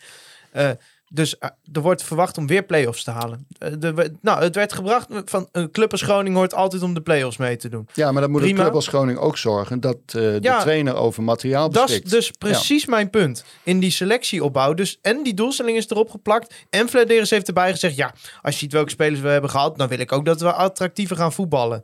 Dat is dus neergelegd bij de technische staf... en bij deze selectie. En eigenlijk zeg je dus ook naar je supporters toe van... oké, we zijn vijf sterkhouders kwijtgeraakt... maar we gaan wel voor die Europa... of voor die Europese plekken.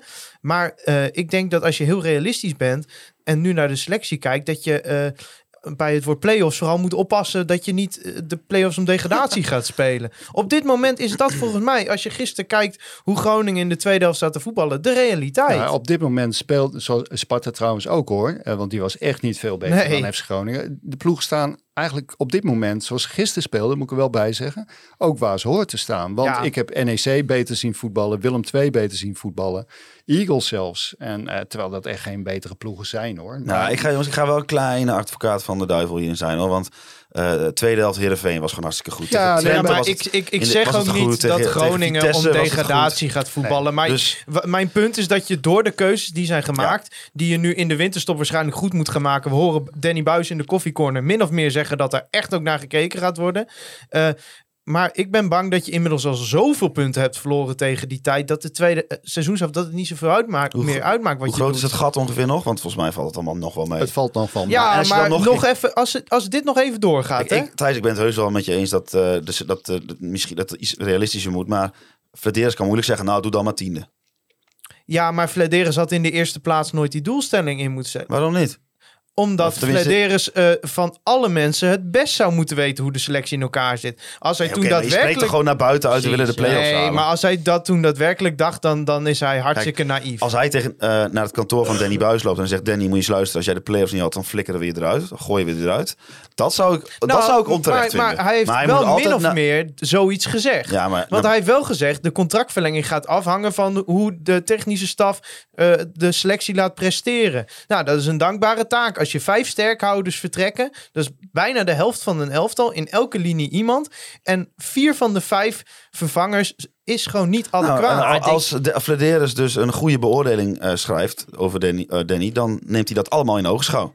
Ja, maar nou, denk je ik- niet dat er misschien intern een andere niet. doelstelling zou zijn? Dat er misschien intern dat... Ja, maar dan nog is het van rea- Flederis in com- eh, communicatief opzicht gewoon een hele domme keuze geweest om die doelstelling uit te spreken. Ja, maar ja, dat is gewoon wel de doelstelling die, die er altijd is. Dus ja, dan ga je ook niet maar zeggen van... we wij zijn toch ook niet worden. gek met z'n allen? Nee, maar daarom denk ik, denk ik daarom is Mark-Jan denk ik toch ook niet gek. Die, we- misschien heeft hij intern ook wel besproken misschien- van... ja, ik weet ook wel dat we op dit moment geen selectie staat... waarin we Nou, überhaupt de play-offs kunnen halen... dan wel winnen. Eh, het is gewoon zo, als je, als je geluiden hoort hoe het nu intern gaat tussen technische staf en eh, Mark-Jan Flederis en de mensen daaromheen. Het, het, het, het, het rommelt daar. Ja. En dat helpt ook niet voor wat er op het veld staat. Dat, dat, weet je, het is gewoon onrustig momenteel. Ook omdat die contracten aflopen. Dat is altijd een onzekerheidje. Je ziet Danny Buis begint zich ook steeds meer uit te spreken over de selectieopbouw. Waarmee hij dus eh, in mijn ogen terecht ja, ook Flederis eigenlijk eh, aanvalt op zijn beleid. Nou, aanval is een groot woord, maar in ieder geval zeg maar gewoon even verklaart waarom resultaten zo zijn. Ja, hij neemt zijn spelersgroep in bescherming. Hij wijst erop hoe weinig ervaring ze hebben. Dat je eigenlijk ook niet meer mag verwachten van de jonge jongens. En van de wat oudere jongens, zoals Duarte en, en eh Iran Does. Nou, die zijn nog niet eens heel oud. Die Nee. zijn eh 3, 24. Eh, dat die gezien hun blessureverleden en ook eh, de speeltijd afgelopen jaar, want Duarte heeft heel weinig in de basis gespeeld. Het was eigenlijk altijd Haroui, Awassar en als een van die twee geschorst dan wel geblesseerd was, dan pas kwam Duarte in beeld. En eh, dat was precies de hiërarchie bij Sparta. Hij was gewoon een, eh, een, een edele reserve, zoals ze dat in Duitsland noemen. Niet meer dan dat. En ja, hij heeft waarschijnlijk gedacht, uh, Flederis, nou, misschien zit het allemaal wel mee. En laat, nou, ik, ik sluit aan bij Wouter. Uh, gisteren was extreem slecht. En dan met name de tweede helft. De eerste helft was gewoon matig. Maar we hebben inderdaad in wedstrijden tegen Twente, Vitesse en Heerenveen... al zijn er maar helften, gezien dat er wel degelijk muziek in die ploeg zit. Ja. En uh, dus we moeten nou niet al te somber doen. Uh, we mogen best wel kritisch zijn, vind ik. Op, uh, nou, ik noemde net al die linksback-positie. Dat vind ik toch En wel zes een puntje. positie. De zes hebben ze geprobeerd nog uh, iemand te halen. Ja, Eh, dat, is- dat is waar, maar goed. Maar, maar linksback-positie, nou dat ja, het, het is ook wel lastig eh, manoeuvreren. Dat, dat dan even ter verdediging van Flederis. Want tot op het laatste moment was het onduidelijk Ja. of, of wel zou gaan. er zijn Dus genoeg Ja, maar- omstandigheden te bedenken. Maar ik denk wel dat in het geval van Matosiwa bijvoorbeeld en Goodmanson... je kon al wel een beetje aan je water aanvoelen dat dit... eh, en dat kon je al anderhalf jaar, dat dit eraan zat Ja, te komen. ja, in- zeker in- maar omdat, eh, omdat hij heeft door eh, onderhandeld. Ja, misschien had hij eh, bij een bod van 3,5 miljoen een week eerder eh, moeten toehappen. Had je nog wel iets kunnen doen. Maar Ja, in- ik in vind die zin- heel lastig te beoordelen. Want ze, ze, ze Kijk, In die zin zijn er wel drie linksbacks in de selectie. Hè? We kunnen het heel lang, we hoeven niet langer te hebben over de kwaliteit ervan, maar er zijn er drie. Maar er is nul, er zijn nul centraal verdedigende middenvelders. Die zijn er gewoon niet. Punt. nee, klopt. Zeg, noem er maar één. Nee, en dat zie je bij geen enkele eredivisieclub. Dat- dat- Ja, en, en bij die centrale verdedigers daar hebben ze er op zich best veel van. Maar ook best veel vraagtekens. Balken is sowieso weggevallen, al heel snel. Dat is ook wel pech natuurlijk. Sverko, als je kijkt naar zijn carrière, dat is toch ook iemand van ziek, zwak en misselijk. Die is ook niet een jongen die 38 wedstrijden per seizoen speelt. Hij is nu ook al voor de tweede of derde keer ziek of geblesseerd dit seizoen. Nou, zo lang is het seizoen nog niet. Eh, van Hintem, die, die heb je ook aan de eh, linkerkant nodig, blijkt wel. Dan hou je over eh, Dammers, Te Wierik en eh, wie hebben we nog meer? Ja, Casemiro. Ja. Maar je hoort dan, ja, je- ik, ik vind het altijd lastig om van buiten te, te zeggen van wat er nou allemaal, hè, hoe dat nou op de werkvloer is, van dat gemok richting elkaar, hoe serieus dat nou is en hoe, hoe diep dat nou gaat.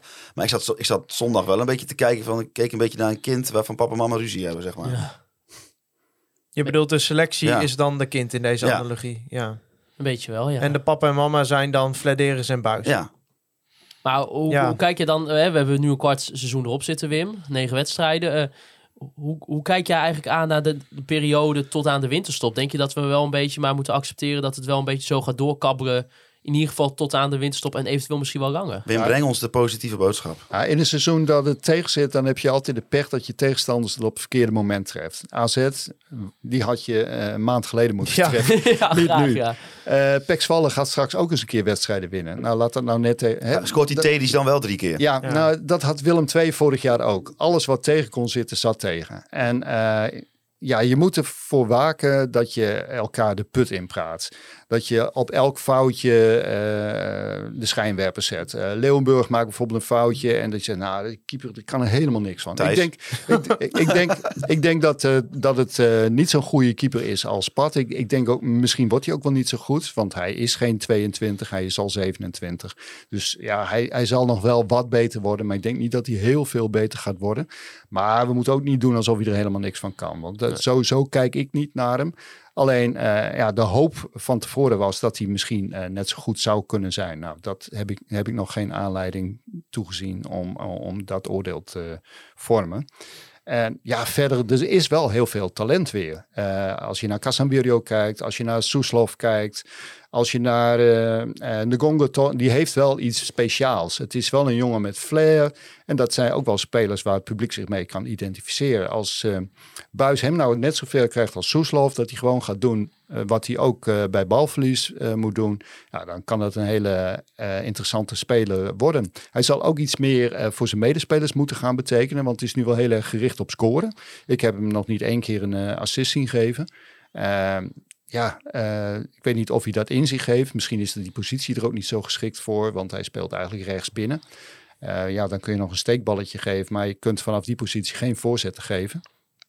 Dus eh, ja, dat moeten we allemaal. Ik denk ook niet dat hij zo blijft scoren. Nou, hij had toch één moment toen een keer, toen kon hij eigenlijk eh, de Leeuw één op één eh, Ja. zetten. Was dat tegen PSV? Ja, dat was tegen PSV. Toen had hij al twee keer gescoord. Ja, het is er ook een paar keer van die momenten dat ik dacht, dan ging hij twee man passeren richting een vrijstaande medespeler. Oh ja. Dan speelt die bal dan meteen. Dan kun je vaart in het spel eh, maken. Maar dan wil je nog iets. Hij kan dat ook goed, een mannetje uitspelen. Wat dat betreft is hij een van de betere spelers na eh El Hankouri. Maar doe dat nou niet. Speel even wat rechtstreekser. En dat zie je bij Soeslof al wel. Als hij de ruimte ziet voor een paas, dan zal hij hem ook geven. Ja. Die heeft ook nog wel eens een keer dat ik denk van oeh, niet schiet. Niet, ja, te Misschien laat, dat ze schiet hij toch. een eh, A. Robben even moeten vragen of hij wat tips wil geven. Ja, nou, ik- ja, daar zeg je wat. Arjen Robben, al een hele tijd niet meer gezien. Nee, beetje Nee. stil rondom Ja, hem. ik eh. heb hem nog gezien eh, op een woensdagmiddag bij de voetbalschool. eh, was hij naar zijn zoontje aan het kijken. Maar ik heb hem bij FC Groningen nog niet Hij gezien. wordt met enige regelmaat met de grensrechtersvlag in zijn hand eh gespot. Ja, als ja, hij, en hij gefotografeerd traint, dan ook. hij traint hij bij met Bekwik, het- hoorde ik laatst. Als hij- hij met het team van zijn zoontje mee Ja, is en dan, dan Hij is hij schijnt wel eens grensrechter. vader te zijn. En dan, hè, dan heb je wel eens Ja. een vlag in je hand. Ja, zo hoort dat. Twee voetballende zonen. Hey, als, we een beetje mijn kijken, vader had nooit gedaan, maar goed. als we een beetje kijken naar, eh, naar de opleiding, eh, Wim.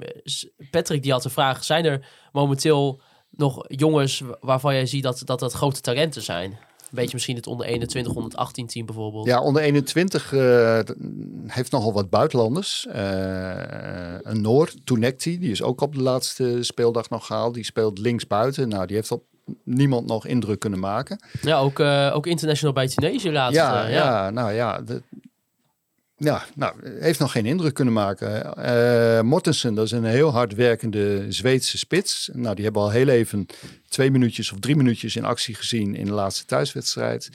Dan heb je nog eh, Gomez. Mijn Nou. Ja, nou, die heeft vooral in onder 18 gespeeld, dus dispensatiespeler. Wat mij opviel was dat die jongen heel veel eh, inzet toonde. Ook helemaal niet de air had van, oh, wat doe ik hier in vredesnaam? Nee, want hij komt toch van onder FC 18? Porto. Ja, Ja. nee, echt een. Ik hoorde ook eh, van mensen die, eh, die hem van dichtbij meemaken dat een hele aardige jongen is en totaal geen capsones. Eh, dan heb je nog een Noorse jongen, eh, ook, nog, nog een Zweedse jongen, eh, Olsen. Olsen. En nog een Finse jongen, Talo, Niklas Talo, die is al langer in opleiding. En nog een Noorse jongen in de onder 18, Brian Jaren, Brian Minder Jaren, om het precies te zeggen. Nou, dat zijn allemaal jongens die kunnen voetballen, anders waren ze ook niet in de opleiding genomen. Maar het is nog niet zo dat ik meteen zeg van, nou, die gaan we heel snel zien. Ik denk dat ik Olson, de linker centrale verdediger, nog het, eh, het best vind van wat ik tot nog toe heb gezien. Dat is op basis van drie, vier wedstrijden. Dat is eigenlijk Ja. onvoldoende. Je moet de jongens ook de tijd geven om, eh, om te wennen aan hun nieuwe omgeving. Ze komen ineens bij gastouders of ze, komen in, eh, ze moeten ineens voor zichzelf koken. Want op de leeftijd die zij hebben, dat is allemaal onder de 20, komen ze vaak uit een, bij hun ouders weg. Dus het is voor het eerst op kamers wonen of, voor het e- of in, een, in een gastgezin. Moet je altijd een beetje voorzichtig Heb je een zijn. beetje een beeld hoe, hoe FC Groningen dat doet? Want eh, we hebben uit het verleden wel eens verhalen gehoord. Bijvoorbeeld ook weet ik wel van Simon Tiebeling. Dat het wel eens een beetje qua, in ieder geval qua opvang van, van dat soort jongens. Of in ieder geval jongens die vanuit het buitenland naar Nederland komen. Dat het niet altijd helemaal, helemaal top gaat. Of in ieder geval dat er wel problemen bij waren. Eh, heb je een beetje een beeld hoe dat Nou, tegenwoordig ze, ze gaat? hebben een aantal eh, hele goede gastgezinnen. En, en je merkt ook eh, dat die jongens daar heel erg naar de zin. Soeslof bijvoorbeeld, die zit bij de selectie, maar die zit nog steeds in de gastgezin. Dat is ook heel verstandig. Die is ook, jongens ook 19, heeft Ja. daar prima naar zijn zin. Eh, die moet je niet op een studentenvleetje zetten. Dat, dat zijn voorbeelden over van dat het dan misgaat. Dan moeten ze voor zichzelf gaan koken. Nou, dan wordt het al heel gauw een pizza of, eh, of, of iedere dag hetzelfde eten. Eh, ik denk dat, je daar, dat ze daar ook wel van geleerd hebben. Abraham die, die krijgt dan meteen een groot salaris. Soeslof had dat niet. Hè? Die had gewoon, dat is later wel opengebroken. En die moet het zelf dan maar uitzoeken. En ja, wat ik dan hoor is, dan heeft hij een hele tijd op een matras geslapen. Nou, dat kan heel goed. Maar het is wel handig als dat matras op een bed ligt. Eh, Voor een, voor een topsporter misschien sowieso wel handig dat, dat hij een dat is wel beter. eh, Maar, pakt. maar die jongens die, die komen bij hun ouders weg of bij hun moeder weg. En, en die moeten dan ineens voor zichzelf zorgen. Ik denk dat het helemaal niet onverstandig is om die jongens nog een tijdje te begeleiden. En Nee. ook in een gastgezin onder te brengen.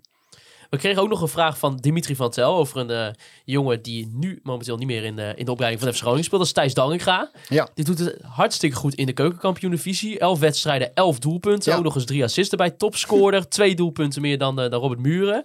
Eh, ja, misschien toch ook wel een beetje een verrassing. Want eh, de, de, de momenten dat hij speelde in het eerste van FC Groningen maakte die eigenlijk geen indruk. Nee, klopt. Eh, hoe, was dat, hoe was dat in de opleiding eigenlijk? Nou, ik, ik vond hem eh, in zijn eerste jaar enorm statisch. Ik dacht ook van, nou is dat nou zo'n groot talent? En later hoorde ik ook dat ze bij Emmen het eigenlijk ook helemaal niet zo'n groot talent vonden. Dus ja, ik weet niet eh, hoe ze daar nou echt Gewoon heeft er tegenaan nog wel een ton voor betaald, toch? Ja, ja, ja. Nou ja, ik, eh, ik heb het er eigenlijk, moet ik heel eerlijk in zijn, nooit in gezien. Nee. En ehm, ik vind het wel heel leuk dat hij, en dat was eigenlijk het afgelopen half jaar al, dat hij zich ineens ging ontwikkelen. Hij mocht ook bij FC Groningen blijven, maar ik denk dat hij een hele verstandige keuze heeft gemaakt door naar Excelsior ook te gewoon gaan. een leuke elftal Excelsior waar je heel Ja. veel kansen krijgt. Omdat je bijvoorbeeld zo'n Reuven Niemeyer achter je Ja. hebt staan. Die best wel heel veel Ja. kansen creëert. Ja, nee, nee, hij, hij staat toch wel vaak op de goede plek. Ik kan nou niet zeggen dat allemaal van die hele moeilijke, knappe goals zijn. Nee, maar hij maar je ziet wel, hij is bijvoorbeeld tweebenig ook Ja. lijkt het. En, Ja. ja. ja, Nee, maar hij heeft altijd, eh, ook in de jeugd van Emmen, eh, veel gescoord. En eh, bij Groningen scoorde hij eh, bij, hij heeft ook nog een jaar, zijn eerste jaar mocht hij ook nog in onder 19 spelen. Was hij niet voor gehaald. Maar omdat het een beetje moeizaam ging bij de beloften, heeft hij eh, bij onder 19 een paar keer meegedaan. Heeft hij ook wel gescoord. Maar ja, ik, wat ik al zei, ik vond hem eigenlijk eh, best wel statisch. En ik, ik vind Romano Postema een grote talent. Ja, ik denk ook niet dat we nu zoiets moeten hebben van... oh, hadden we die maar nooit laten Nee, gaan. maar sommige spelers, dat, eh, ik geloof dat Danny Buis dat vandaag ook nog noemde eh, bij die andere podcast. Eh, je hebt, sommige spelers hebben even een andere route nodig. Bijl was op het moment dat hij bij Groningen in de belofte zat, zat ook een beetje op doodspoor. Hij was teleurgesteld dat hij geen kans kreeg in het eerste, ging lekker de kroeg in. En ja, het heeft toen eigenlijk het ook niet eh, waargemaakt. En bij eh Lukin heeft hem aangepakt bij eh, Emmen. En daar heeft hij zich eh, heel voorspoedig ontwikkeld. Bakker die, eh, had, die, die was wel goed bezig bij Groningen, maar had de pech dat hij zijn kruisband scheurde. Nou, dan ben je toch wel eventjes eh, een niveautje minder. En die is op een lager niveau bij Emmen ingestroomd. En heeft zich daar ook gaandeweg tot een eredivisie-speler ontwikkeld. Heeft drie keer een kruisband gescheurd. En toch heeft eh Heerenveen hem opgehaald. Nou, dat zegt ook wel iets over die jongen. Dus hartstikke leuk dat hij, eh, dat hij toch nog een mooie carrière maken. En het is voor Dallinga te hopen dat hij met Excelsior kan meegroeien. En hij heeft in hetzelfde stadion gescoord als Yannick Pol. Nou, dat Ja. ook nog eens. En Matteo Cachera. Ja, maar vergeet, hij- vergeet het ook niet. Hij veel vaker inmiddels. Ja, dat zeker, ja. Ja. Dan de aanstaande zondag. Dan speelt FC Groningen de thuiswedstrijd om eh 8 uur s avonds tegen AZ Alkmaar. Eh, AZ, heerlijke wedstrijd gespeeld tegen FC Utrecht. Ik weet- j- Jullie hebben het natuurlijk niet gezien omdat jullie onderweg waren naar het stadion. Of eh, eventueel misschien zelfs al eh, in Rotterdam waren. Heb jij nog gezien, Wim? Ja, Eh, ja, ja ik, ik zei al, Groningen treft AZ nou wel weer op een ongelukkig moment. Maar Oh, dat oh, past oh, een die- beetje bij het seizoen, denk die ik. eerste helft, joh. Ja, ja het zat ze ook wel een beetje mee. want Natuurlijk, dan ja. Paas die de week daarvoor nog, of twee weken daarvoor, voor de Interlandbreek, een geweldige rol speelde in de arena. En die krijgt een schotje op zich af. Nou, dat, die moet hij gewoon hebben. Maar ja, dat overkomt de beste. We hebben dat Drommel ook zien overkomen. Eh, die, die gaat erin. Ja, dan krijgt de AZ heeft meteen een buffertje. En dan, dan ja, gaat het ineens lopen. Er komt de ontspanning in. En dan blijkt dat ze heel goed kunnen voetballen. Nou, wat opmerkelijk is aan AZ, die ze hebben net eh, als FC Groningen vijf spelers verloren, basisspelers. Alleen, eh waar En Groningen- ook. Groningen heeft negen nieuwe spelers gehaald. Hè? De zes in, in de voorzomer en, en drie nog op de laatste speeldag. En dan rekenen we Toenekti voor het gemak maar niet mee. Want die werd eigenlijk ook een beetje gepresenteerd als speler voor het eerste, maar nog niet rijp. AZ heeft er maar vier gehaald. De rest hebben ze dus allemaal uit, eh, uit de selectie van vorig jaar. Klaasie die krijgt nu een basisplaats. Goedmondson. Je hebt EVN nog. eh, Sugawara als rechtsback. En eh, eigenlijk alleen Pavlidis en, en de keeper. Dus dat maakt het ook wel iets makkelijker voor de trainer. Die hoeft niet zoveel nieuwe spelers in te passen. Nee. Begon het seizoen natuurlijk wel een beetje twijfelachtig. Hè? Ja, aantal vriespotjes. eh, natuurlijk ook tegen Celtic uitgeschakeld voor, eh, voor de Europa League. klopt. Maar ze eigenlijk sinds, sinds de wedstrijd tegen Go Ahead Eagles eh, zijn ze er steeds beter Ja, ingekomen. Cambuur rolde ze ook op. Ja. Terwijl iedereen het heel moeilijk heeft gehad eh, tot dusver in, in Leeuwarden.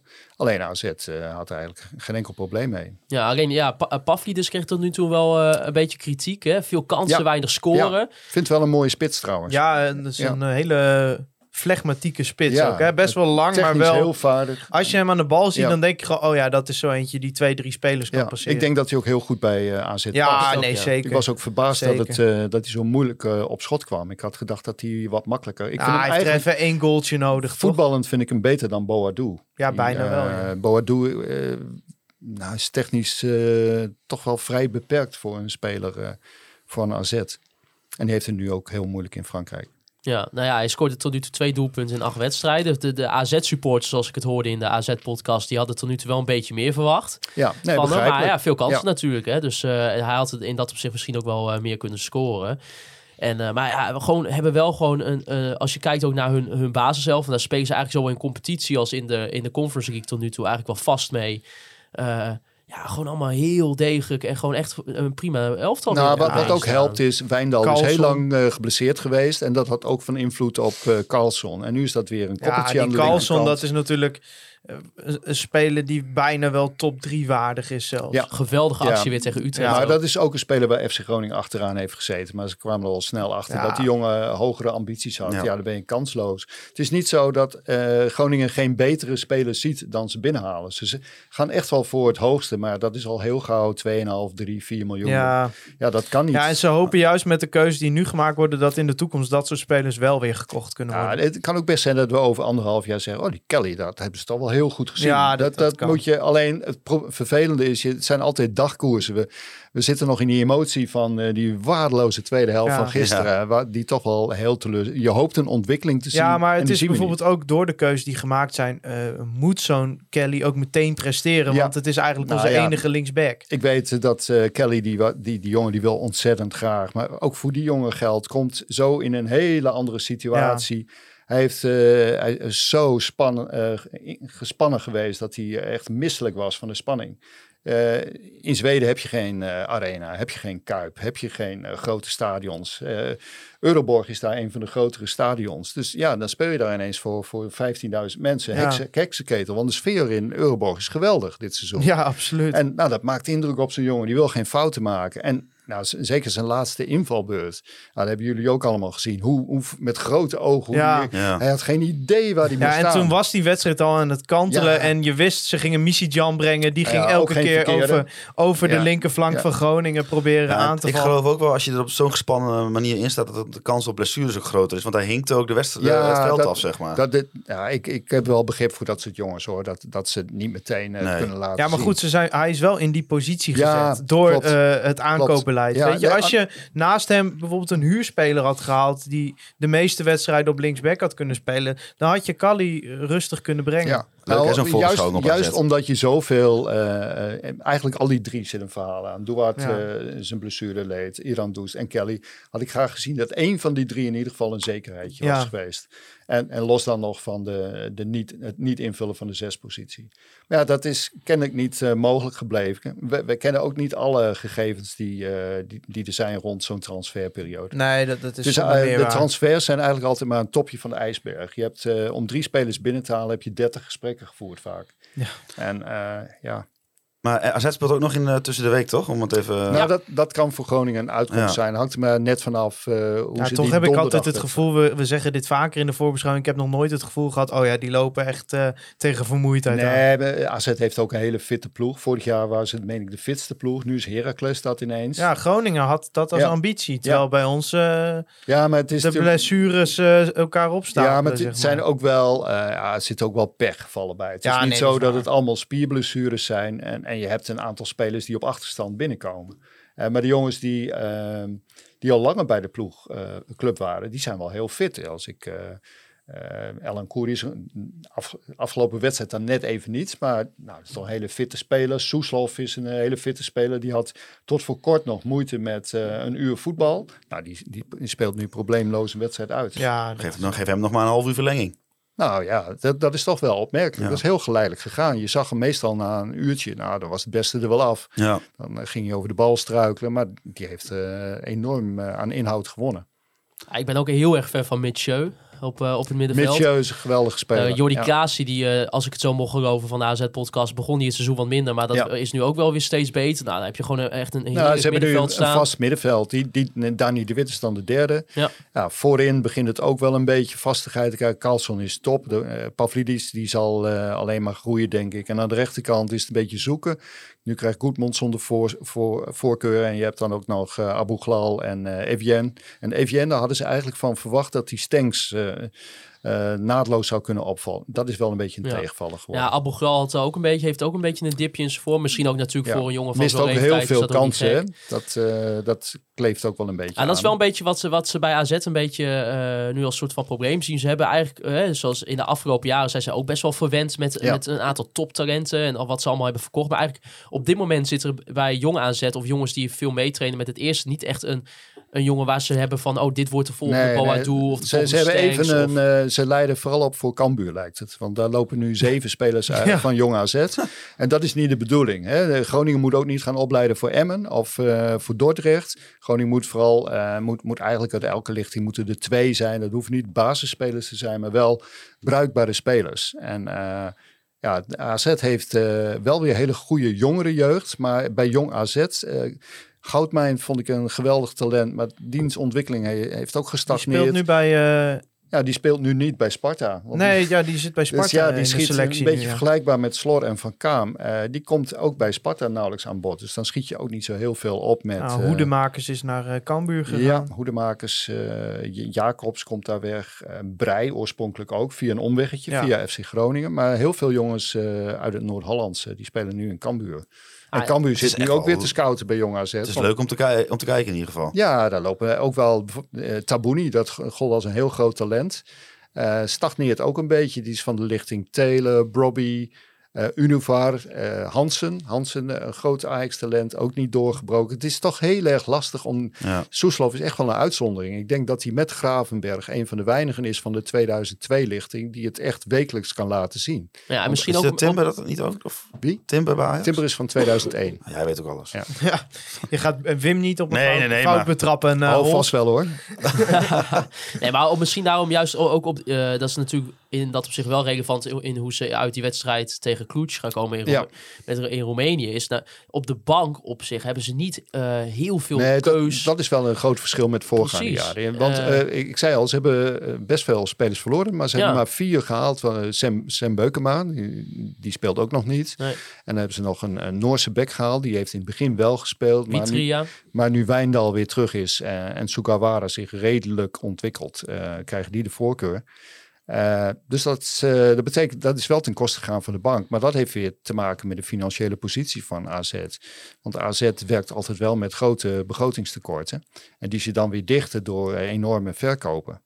Maar ja, ze hebben natuurlijk ook wel eh, een moeilijk jaar achter de rug gehad. Ja, Timo Letcher natuurlijk eh, is, is ook wel een beetje... eh, ja, ze hebben ook daar, vaak in de, in, in de verdediging wel van die spelers waarvan ik denk van, nou, als je nog echt een stap wil zetten, dan moet je geen Timo Letchert, geen Ramon Lewin, Nee. dat soort spelers halen. Dan moet je echt eens een keer, nou, met Misevic had ik eh, Ja. voor AZ geen verkeerde gevonden in de tijd. Maar die vonden ze dan voetballend kennelijk niet goed genoeg. Thijs Faber, wat wordt eh, FC Groningen zondagavond 8 uur?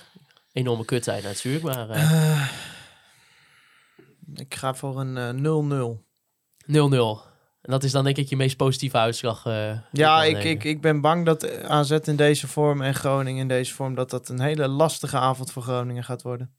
Ja, ik denk, eh, Dus ik zeg Wim, nul- Wim, wat jij ook zegt. 0-0, eh, eh, weet je, het, het vervelende hoogst moment. haalbaar. Ja, maar Ja. Ik, ik vind het, dat, daarom denk ik dat ik voetbal nog steeds zo leuk vind. Ik zit er zo vaak naast met mijn voorspellingen. Ik ga er iedere keer weer heen en ik denk van, ah, wat en dan is de wedstrijd afgelopen. Denk ik, god, toch maar goed dat ik die wedstrijd heb gezien. Ja. Terwijl je bij voorbaar denkt, van, nou, dat wordt helemaal niks. Tegen AZ in vorm. Eh, Groningen, de spanning zit er toch wel een beetje op bij sommige spelers. Maar ik denk dat er nog dat er wel kwaliteit is. En als het een beetje goed valt, kan het zo, zomaar omslaan. Dus, eh, zijn de jongens straks geblesseerd uit Roemenië, je weet het niet. nou ja, maar misschien eh, valt het nu ineens wel goed en eh, dat elftal eh, vleugels krijgt. Want ik denk dat we het wel over eens zijn. Er is nog wel degelijk kwaliteit. Alleen, eh, ja, het is minder dan eh, na de wedstrijd tegen PSV toen we nog eh, naar Goedmondson en eh Matusiwa konden kijken. Ja, dat is even niet anders. Nee. Dus eh jij wil een uitslag horen? Ja, natuurlijk. Nou, dan wil ik wel goals zien. Dan eh, zeg ik eh 1-1. Wouter Rosappel, ben jij ook een beetje positief? Nou, ik ga even op de Amerikaanse tour. Daar heb je de term eh, bounce back, zeg maar. Van als je een, eh, een domme eh, verliespartij hebt geleden. Of in ieder geval zo'n slechte tweede helft gespeeld. Dan kan je niet anders dan de volgende keer dat je het veld opstapt. Het complete tegenovergestelde doen. Groningen gaat AZ met 3-0 verslaan. Zo, geweldig. Zo. En trouwens, daar wil ik nog even bij zeggen. eh, dat ga ik dus wel zien. Maar jullie gaan scouten in het buitenland, toch? Ja, wij, zitten in België Wij gaan dan, even ja. kijken bij, eh, bij KV Mechelen eh, tegen Zulte Waregem op, eh, op zaterdag. Nou, dat gaat KV Mechelen natuurlijk winnen. Dat is de mooiste club uit België. En dan vervolgens de dag later... vind ik niet hoor. Dat, mij maakt het niet uit. Ik heb geen voorkeur in En België. een dag later speelt Anderlecht tegen Beerschot. Nou, Beerschot stijf onderaan. Anderlecht ook niet helemaal eh, op de plek waar het eigenlijk liefst wil zijn. Wil natuurlijk in de top van de competitie zitten. Maar oh, hang, hang- hangt ook een beetje subtop. Maar ja, die gaan natuurlijk Beerschot helemaal kapot maken. Nou, dat Eh, weet ik niet. Nee? Nee. Nee, jij denkt dat Germinal Beerschot eh, echt... ik weet niet of het een record is. die zijn zo Ja, maar die waren vorig seizoen, heb ik dat wel een beetje gevolgd. Die waren vorig seizoen best wel goed. Nou ja, dit seizoen niet. Ja, maar wij hebben ook een reactie. We hebben een, eh, een luisteraar, die is ook voor Klopt, Beerschot. misschien kan hij wat, eh, wat informatie En dan zeg jij Dus, dat eh, uh, Beerschot kapot gemaakt wordt. ja, kan je ik, niet ja, zeggen. ik, ik, ben- ik ben gewoon realistisch. ja, Maarten, dat kun je echt niet zeggen. Nee, Beerschot was vorig seizoen prima. Eh, wij zijn erbij zondag, dus ik denk dat Ga Beerschot, stunten bij Beerschot Anderlecht. gaat winnen uit bij Anderlecht. Voorspelling voor de Eh, Groningen eh, AZ? Eh, FC Groningen AZ. Ja, ik, ik, ik ben bang dat, eh, dat het pas bij Helmond Sport eh, juichen wordt. Dus ik ga helaas ook positief uit. Ga ik voor een 0-0. En dan vervolgens hoop ik dat we tegen Helmond Sport eh, ja, wel met een nuggetje of vijf een keertje kunnen winnen. Dat zou een keer lekker zijn. Maar eh, Daar geef je weer geen punten voor. nee, nee. En, ik, en ik, ja, ik ben een beetje bang. Hetgene wat Wim gelijk al zei. Ik had AZ liever een paar weken eerder gehad. Maar ja, dat is eenmaal hoe het, eh, hoe het competitieschema nou werkt. Dat kan je niet eh, zelf eh, helemaal indelen de hele tijd. Ik wil nog ook even allerlaatst natuurlijk een aantal eh petje.affers bedanken voor het petje afdoen van onze podcast. Dat zijn er een boel deze Ja, we hebben keer. bijna 100 leden. Bijna Zo. 100 leden, inderdaad. Even kijken, dat zijn deze keer. Misschien heb ik ook namen al genoemd, maar ik, ik denk, maakt niet uit, ik ga het alsnog noemen. Dat is Marco D., Christian, Lars Brankenspoor, Patrick eh, Wapsenkamp, eh, David, Nick Harms, Jannik Masson, Dan, Johan van der Veen, Koen Kins en Jeroen van Boven. Bedankt voor het support van Conforminder de podcast. Wil je nou ook toegang krijgen tot extra content, voorbeschouwingen, eh extra podcast, eerder toegang tot een speciale podcast, à la we deden met Mo en Koeri, ga dan naar conforminder.nl. Wim, ik wil jou bedanken voor je komst weer eh, naar de KVM eh, headquarters hier. Voor het eerst weer sinds, eh, sinds een lange tijd. Mooi dat je er was. Graag gedaan. En, eh, en nou, veel plezier aanstaande zondag natuurlijk ook bij de wedstrijd. Ja, jullie in België. Ja, dat komt helemaal goed. Jullie kunnen Conforminder de podcast volgen via Spotify, Apple Podcast en Google Podcast. Laat ook bij Apple Podcast even een review achter. Verder kunnen jullie ons natuurlijk volgen op al onze social media kanalen. Facebook, Instagram en Twitter. Ik wil Andy Zuidema bedanken voor alle foto's die wij week in week uit kunnen gebruiken voor al onze social media uitingen. Ik wil B-Trip en de Online Retail Company bedanken voor de Online Retail Company moment van de week. Je kunt mij persoonlijk volgen op eh, Twitter. Maarten Raagstrepen Holzappel en Thijs Raagstrepen Faber. Wim Masker ook op Wim Raagstreepje Masker. Free Westerhof en Mark Pepping. Natuurlijk ook nog de bedankjes voor de prachtige intro en vol, outro muziek. Hij was weer lang. De, de outro is weer lang eh, deze ja, keer. ja, ja, ja, maar- Net als de podcast Ja. trouwens. Eh, ja, de podcast was weer vrij lang. Eh, de, de outro komt er steeds beter in. Ja. maar ja, volgende keer misschien nog een stukje sneller. Eh, en natuurlijk jullie ook, de luisteraars, wil ik bedanken voor het luisteren naar Conforminder, de podcast. Juichen wij als FC Groningen weer scoort.